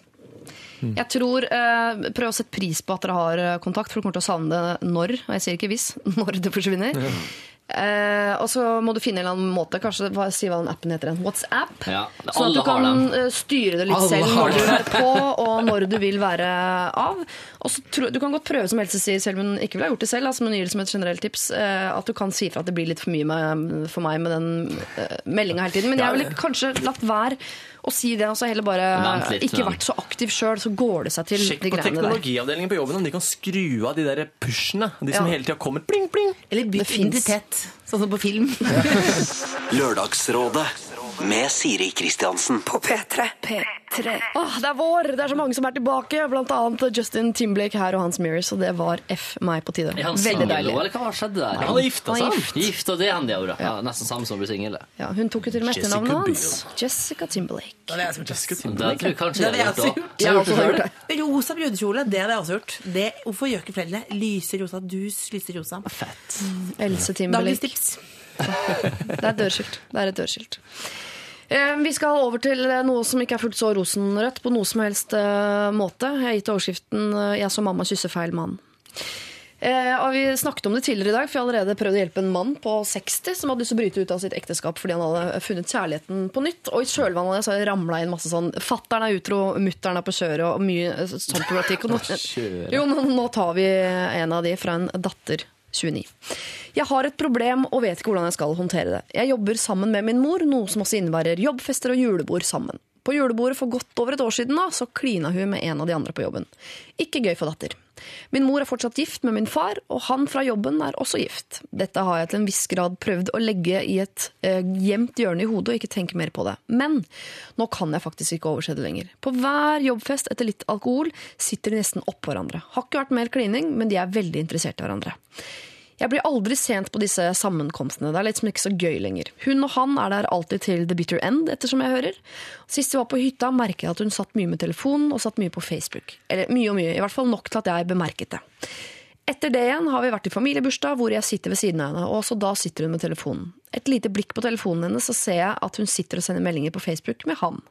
Jeg vet ikke hva som har skjedd, eller om det har skjedd noe mer mellom dem, men det er litt for mange signaler som peker i feil retning, syns jeg. Jeg syns det er skikkelig ubehagelig situasjon, spesielt det at hun gjør dette rett foran meg, og tydeligvis ikke syns det er et problem. Noen råd om hvordan dette kan håndteres, eh, hadde jeg tatt imot med takk, med vennlig hilsen datter 29. Pa! Hvorfor gjør foreldre Hvorfor sånn? gjør foreldre sånn? Hvorfor gjør de sånn? Ja, men, ja, men det er noe med det, da. De, de vet jo at datteren sitter og ser på. eh, Og, og, og allikevel gjør det. Så klart det kan jo være et rop om at se nå, nå gjør jeg det. Nå, Stopp meg, stopp meg. Stopp meg, eller godta det. Nei, det er ikke et rop om hjelp, det det kan ikke være det. Ego, ego, ego, ego. Ja. Ja, det var Forferdelig mamma. men eh, men eh, Nei, det er jo ikke forferdelig mor. Jo. forferdelig ekte Nei, forferdelig mamma. Men hvorfor må du gjøre det liksom på jule- Dattera er 29 år, da. Hun er voksen kvinne sjøl. Men selvfølgelig, ja, det er ikke bra gjort. Det er ikke det, men jeg tenker sånn Ja, dette er dårlig gjort, si det til mor di. Ja. det, det, det er jo en, det er så utrolig sånn kjedelig svar på det, men du må bare ta det på mora di. liksom, ikke? Og så må du slutte å jobbe sammen med mor di. Det er jo et godt triks. da. Du vil ikke se foreldrene dine i alle mulige situasjoner hele tida, tror jeg. Det er, det er litt som å ikke feste med sjefen. Liksom. Det, ting kan skje. Du vil ikke se sjefen din drita full. Du vil kanskje ikke se foreldrene dine gjøre ting du ikke håper at de Men gjør. vanligvis når man jobber med mora si, så ser man jo bare mora si ta noen kopier på kopimaskinen. Da kommer jo det at du kysser og kliner med en annen fyr som er problemet her. Ja, sant. Ja. Hvis noen skal slutte jobben, så er det jo hun. Altså, jeg kan skjønne at datter vil bli for å kanskje føle at hun har noe kontroll eller oversikt også. Men det virker kanskje ikke som at de har det aller beste forholdet. Altså, jeg, Jeg ville, jeg ville nok sagt fra hvis jeg hadde sett noen i familien min stå og kline med noen andre på jobben. Da hadde jeg sagt sånn, i en eller annen situasjon sagt OK, hva, hva skjer her? Mm. Men da må du jo ha et forhold så du kan gjøre det med. Altså, du må på en måte tørre, føle at du kan si noe sånt til foreldrene dine. Det er jo Mm. veldig mange som ikke klarer å snakke med foreldrene sine. Og bare har litt sånn Nei, vi snakker ikke om sånt, vi. Men de jobber jo sammen. Til og med i gode forhold så vil det oppleves som problematisk å si fra til moren sin at Mm. slutt å kline med andre enn pappa. Det tror jeg kan være vanskelig å si uansett hvor god er ok, er. liksom, Altså. men ikke den andre, nei. Ja, men, også, men også det at de, liksom, men, eh, at de jobber sammen, legitimerer enda mer at hun må bare, bare ta det opp. da. Ja. Altså, Slutt å kline med andre enn pappa foran meg, er jo en annen setning. Mm. Så er det ikke bare å Og worst case, liksom, sende en mail. Men kan hun ikke si er noe til Jeg kan jo skjønne Altså Den lille hevngjerrige jenta som bor inni meg, ville ha tenkt at det er mamma som er slem. Pappa som er snill, har gått til pappa og sagt 'vet du hva mamma gjør'? Det skal du ikke gjøre, for da begynner du å blande det inn i greia. Da er det du som ender med skjegg i postkassa. Ja, da har du du dårlig følelse forhold til alle sammen. Jeg ville prøvd meg på han fyren som drev med deala med mora di. Ja. Kan du si det til han? Det er kult. Men han er sikkert sjefen hennes òg, da. Nei, Men men, kan du si noe til han? Eh, det kan hun jo gjøre, men det mest interessante er jo den samtalen med mora di. på en måte For det er jo det forholdet du skal fortsette med. Mest sannsynlig skal du vel ikke jobbe i stedet til du får gullklokke, så da ville jeg tatt det heller med moren. Må hun da være forberedt på at moren sier at men du, dette her, sånn holder jeg på, sånn holder din far også på, og sånn er det i vårt ekteskap. Ja, Da må du ta stilling til det, da. Om det er ok. eh, Hvis du gjør det, og pappa gjør det, eh, greit. Da må jeg bare få vite det. Da vet jeg at dere har det sånn. En fin inngang er å si sånn du, Man kan jo skrive til han eh, Tor Arne hele tida. Uh, nei, ingenting. Ja, kan, kan du vise til meg hva du skriver? Nei. Ok, Det er, sånn, det er typisk tegn på at det er feil det du skriver. Du ikke kan vise til meg, tenker jeg. Det, Kanskje du kan Ja. begynne å snakke om det under sånne familieting. Ja, du, mamma, hvordan går det med han derre Tor Arne som det er så mye sammen på jobben? Og, hvordan det fint, og går det bra? Og så kommer far inn og sier ja, hvem er han Tor Arne? Ja, det er jo den som mamma er masse sammen med på jobben. Det er og de koser sammen. Ja, kliner litt og koser seg. Ja, den.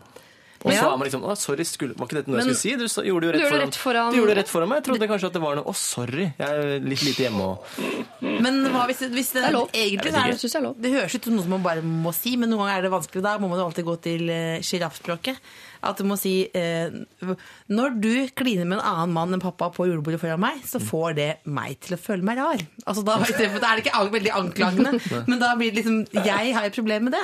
Da er legger du deg veldig flatt, men adresserer problemet, da. det er kult. Men du kan jo også bare si Men du, mamma, hva var det som skjedde i julebordet fuglen når du klina med fyren? da? Det rare greier. Kan man sende sånne meldinger, brev, til kona til han? Hans kone? Og si sånn Anonymt? Ja, jeg vet hva han gjør. I en film hadde det vært mye kulere, for da skal du dekke 1 time og 20 minutter. Men eh, I real life, ja. ja. Ja, det går ikke det Det, heller. det er om det er om å gjøre å dra færrest mulig folk ned i søla, tenker jeg da. Mm. For at mora kanskje ja. får den der wake-up-callen av dattera si, tenker ok, det her må man bare slutte med en gang. Mung. Eh, god kjemi er jo kanskje vanskelig å brenne av sånn med fyrstikk, men det må bare gjøres. Kom tilbake til mannen din og prøv det. Eller ta det opp med de to når det faktisk skjer. Altså I en situasjon hvor hun sitter på fanget og går bort og sier sånn Nå er jeg lei av å se dere to. Ja, du- Jeg jobber også her, jeg prøver også å feste. Jeg klarer ikke det, for nå er sitter jeg og tenker på eh, er Hva føler pappa? Uh, hva skal jeg? Og så ta en sånn, for jeg tror Hvis begge to blir konfrontert med det samtidig, så, er, så blir det så, så kleint og Ja. rart. Fordi Du sitter her og feiser hverandre mens du er i barndåpen til barnebarna dine. Det føles ikke bra. Her har du vinglasset. Gå hjem og legg det, mamma. Men hva hvis du sier det til, til sjefen til dem igjen, da? Sånn at du bare, Da ødelegger du også å si sånn at dette her eh, Å få begge de sparka. Ja, for det er jo mange, mange arbeidsplasser det ikke er lov til å være sammen eller holde på. Da må man få flyttes i avdelinger rundt og ja, styre sånn, ja. rundt. Ja, Ja, og si sånn at du, jeg har sett at mamma driver og Men samtidig, nissen. chatte er jo lov, på en måte. da. Men ikke kline på julebord. Jo, det er kanskje lov. Det er lov, det òg. ja.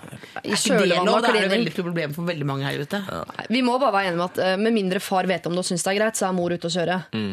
Men det kan jo være at de har et åpent forhold uh, og hvor far syns det er helt greit Hun må tøffe seg opp, manne seg opp og ta, gå bort til mor og konfrontere henne med dette. med dette. Si 'dette gidder jeg ikke'. Dette Neste jeg gang, neste gang hun ser at det skjer. Ja. Film det, legg det på YouTube. Ta med et balltre. Men eh, er det lov å si også dette rydder du opp i nå, hvis ikke så er jeg nødt til å ta det med pappa?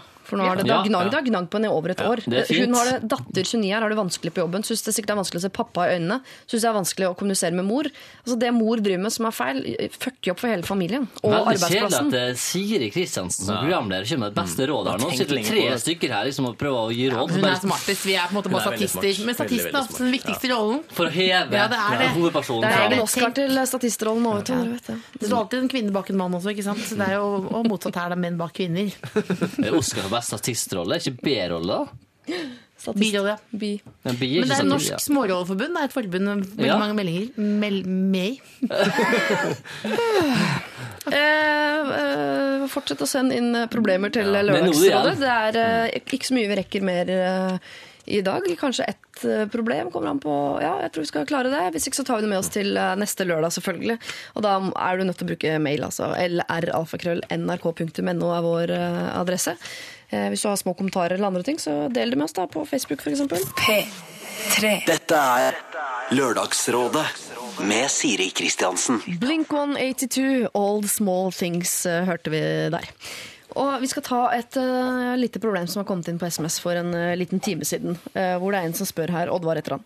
Hva er den beste måten å be en jente som bare vil bli bedre venn med ut, hvis du tror du liker henne?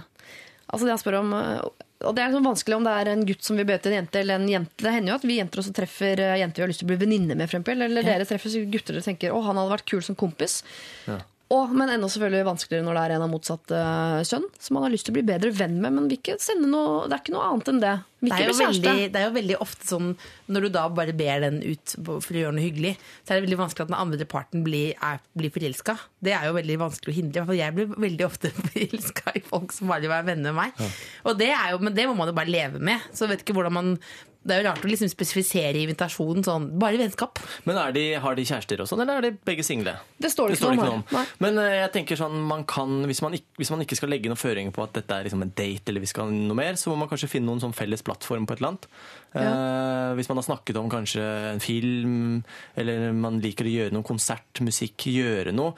Gå ut og spise en middag og drikke vin. Jeg Er ikke det kall- Eh, Jeg ville følt det som en date. Ja, Men er det ikke gå og ta en øl, liksom? Eller sånn, jo, kanskje, kanskje en sånn fredag Ja, kanskje Nei. etter jobben sånn Du, er keen på en pils. Er du keen på å henge med? Det kan gå. Jeg har følt Hvis- meg sjekka opp med en gang. Sorry, kanskje jeg er innbilsk, men jeg hadde følt meg sjekka opp. Men det er kult. Jeg syns han, han kan bare ta den der eh, runden han tok til oss her. jeg. Bare sånn, det, er jo så vanskelig med gutter og jentegreier. Alt skal være date, alt er sjekking. Men du er en kul dame, jeg har lyst til å bli venn med deg. Kanskje vi stikker og bli litt bedre kjent? Jeg hadde følt meg sjekka da, ja. Ja. Men jeg har veldig mange guttevenner jeg, som jeg eh, gjør mange ting med. Oi. litt, nei. Oi. nei, ikke sånn. Nei, men, så, Oi. nei, bare liksom, men jeg har ikke sånn. Jeg har veldig mange guttevenner og jentevenner. Ja, men da har du blitt venn med de eh, fordi dere har jobba mye sammen, f.eks. Ja. sant? Ja, hvis man jobber, så er det jo veldig det det er å det komme naturlig. seg fra Det er sånn naturlig. vi, vi møtes og vet hvem hverandre er, til å, å faktisk kunne gå og ta den kaffen da, som venner, uten å sende signaler om at jeg Hvis prøver jeg å sjekke ser en jente på Rema, så spør jeg du, jeg har veldig lyst til å bli kjent med deg. Rema? Eh, skal vi gå og se en film? Da ville jeg så klart tatt det som en date for hennes del. Ja. Men hvis det hadde vært en, jeg hadde møtt på en fest en gang, og vi hadde sittet og prata ganske lenge Kanskje hvis man liksom snakket om et eller annet som bare Det var veldig oss. Men vi skal ikke bli noe mer. Det er bare vi stikker og står på ski fordi du er god på det. Men det er, ikke Kanskje. litt, det er liksom ordlyden. Det er, så, det er så Hvis man sier sånn Det er så lol å henge med deg. Eller at, du er liksom, liksom, at du er litt sånn veldig sånn eh, Veldig sånn smilefjes i tuden, liksom. At man er ja, kompisaktig, da. Ja. Ja. Ja, Jo da. altså Hvis Else hadde sagt sånn du, Skal vi stikke ut og gjøre et eller annet? Da hadde du Eh, tatt det som en invitasjon. Nei, men Da hadde jeg tenkt sånn i utgangspunktet sånn, ok, hun er en kul dame. Eh, jeg har ikke vært mye sammen med henne, men eh, det har vært kult å bli bedre kjent. Ja, Men da hadde kunnet, uten at jeg liksom hadde følt at da hadde vært en date. Men får du mye nye jentevenner nå for tida, Kristian?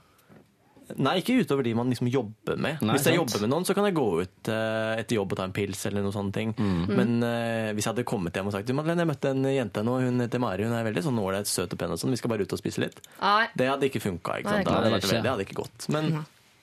Nei, men, jeg, men det er sant som Silje sier, det, ofte så er det jo via jobb. Da har man jo på en måte en felles eh, greie. Da, har man jo, da, er det jo da går det jo over fra liksom jobb Forlengelse til av jobben, ja. ja. Eh, En øl etter jobben, det er noe annet, jeg skjønner det. Men, hva, men er det ikke bare å si sånn? Det er så gøy å få Eller man hører at man er nerd når man sier det, men det er så gøy å få nye venner. Det er jo veldig hyggelig å få sier, nye venner i voksen alder. da Få liksom påfyll. Men hvis man har veldig- flere, kanskje det er lettere da? Ja, BN, ja, det tenker jeg kan være en løsning. Å be med med på å ikke være to med en gang. Ta med deg en kamerat, og, men da blir det kanskje dobbeltdate igjen. Men holde seg, unna, men holde seg liksom unna kino, middag. Det er å holde seg unna de der klassiske datetingene. Ikke gå på skøyter i spikersuppa, på en måte. Nei, men når man holder seg unna de klassiske datetingene òg, så er man over på de kreative datetingene som er sånn Alt er jo egentlig en date. Hvis man, hvis man ber ut Ja, et Mann annet menneske på noe, så skal er jo kunne kun være date. sammen for å bli eh, kjærester. Det er det sånn Gud har laget oss. Nei, men man skal ikke være veldig Jeg prøver ikke å, å være vanskelig nå, altså jeg bare er det. Men det skal ikke Det skal det, det skal Men hvordan ville du gjort det hvis, du, hvis det var en hadde eller annen ikke som gjort du hadde, du hadde ikke gjort det? Nei. Jeg hadde ikke gjort det. Jeg hadde blitt uh, tolka i hjel, helt sikkert. Men uh, veldig fint med sånne som jeg jobba sammen med i to, Nå er jeg frilanser, så jeg jobber sammen med folk ganske intenst i to-tre måneder. Så kan man henge sammen etter det hvis en vil. Og da er det mye enklere, sånn, for da har du ikke den der eh, seksuelle overtonen, forhåpentligvis. da. Og jeg tenker rundt også med hva- sånn telt av seksualitet rundt seg? Liksom, Ja, at man går med en det er paraply? det. Men må de gå sånn ut bare to? Hvorfor må de gå ut bare to? Hvis han har lyst til å bli venner med henne, kan det ikke være flere? Jo, det kan det jo være. Selvfølgelig kan det være det. Ja. Men noen ganger er det jo gøy å gå ut med bare én person òg, Ja, for da det får du kommer. prata mer. Ja, det kommer. Man Ja. kan ikke gjøre det med en eneste gang. Ja, det er sant, kanskje. Ja. kanskje. Nå, eh, jeg, lykke til, altså. Jeg bare anser det som litt vanskelig. Men du kan jo be om hjelp til noe, da. Det er, Ja. også sånn der, eh, som er, det er ofte sånn kjedelige ting. da Kan du være med meg? Som er sånn veldig sånn Ja, bære noe tungt. Ja, eller Ikea, liksom. noe Ja, kjempekjedelig. ting, interiørtips og sånn, Da- da. Men det er jo ofte, da må du gjøre kjedelige ting, da. Men da er det jo da er det veldig Men sånn da igjen har du liksom en baktanke fordi hvorfor du ikke skal gå ut med personen for at det skal virke som at det ikke er noe. Jeg vil bli sånn der, Nå gjør vi alt mulig annet enn det som er en date. Ja. sant? Altså, Jeg tror Hvis du prøver veldig hardt å si at ikke det er en date, at ikke det er følelser, Ja. så virker det mistenkelig. Altså, det, er, mm. det er kjempevanskelig. Jeg tror bare på, jeg vet, Nå vet jeg ikke hvor du sender denne jenta fra, men på, dere må jo ha en eller annen felles Enten går dere på skole sammen eller jobber sammen, eller dere må ha et eller annet felles.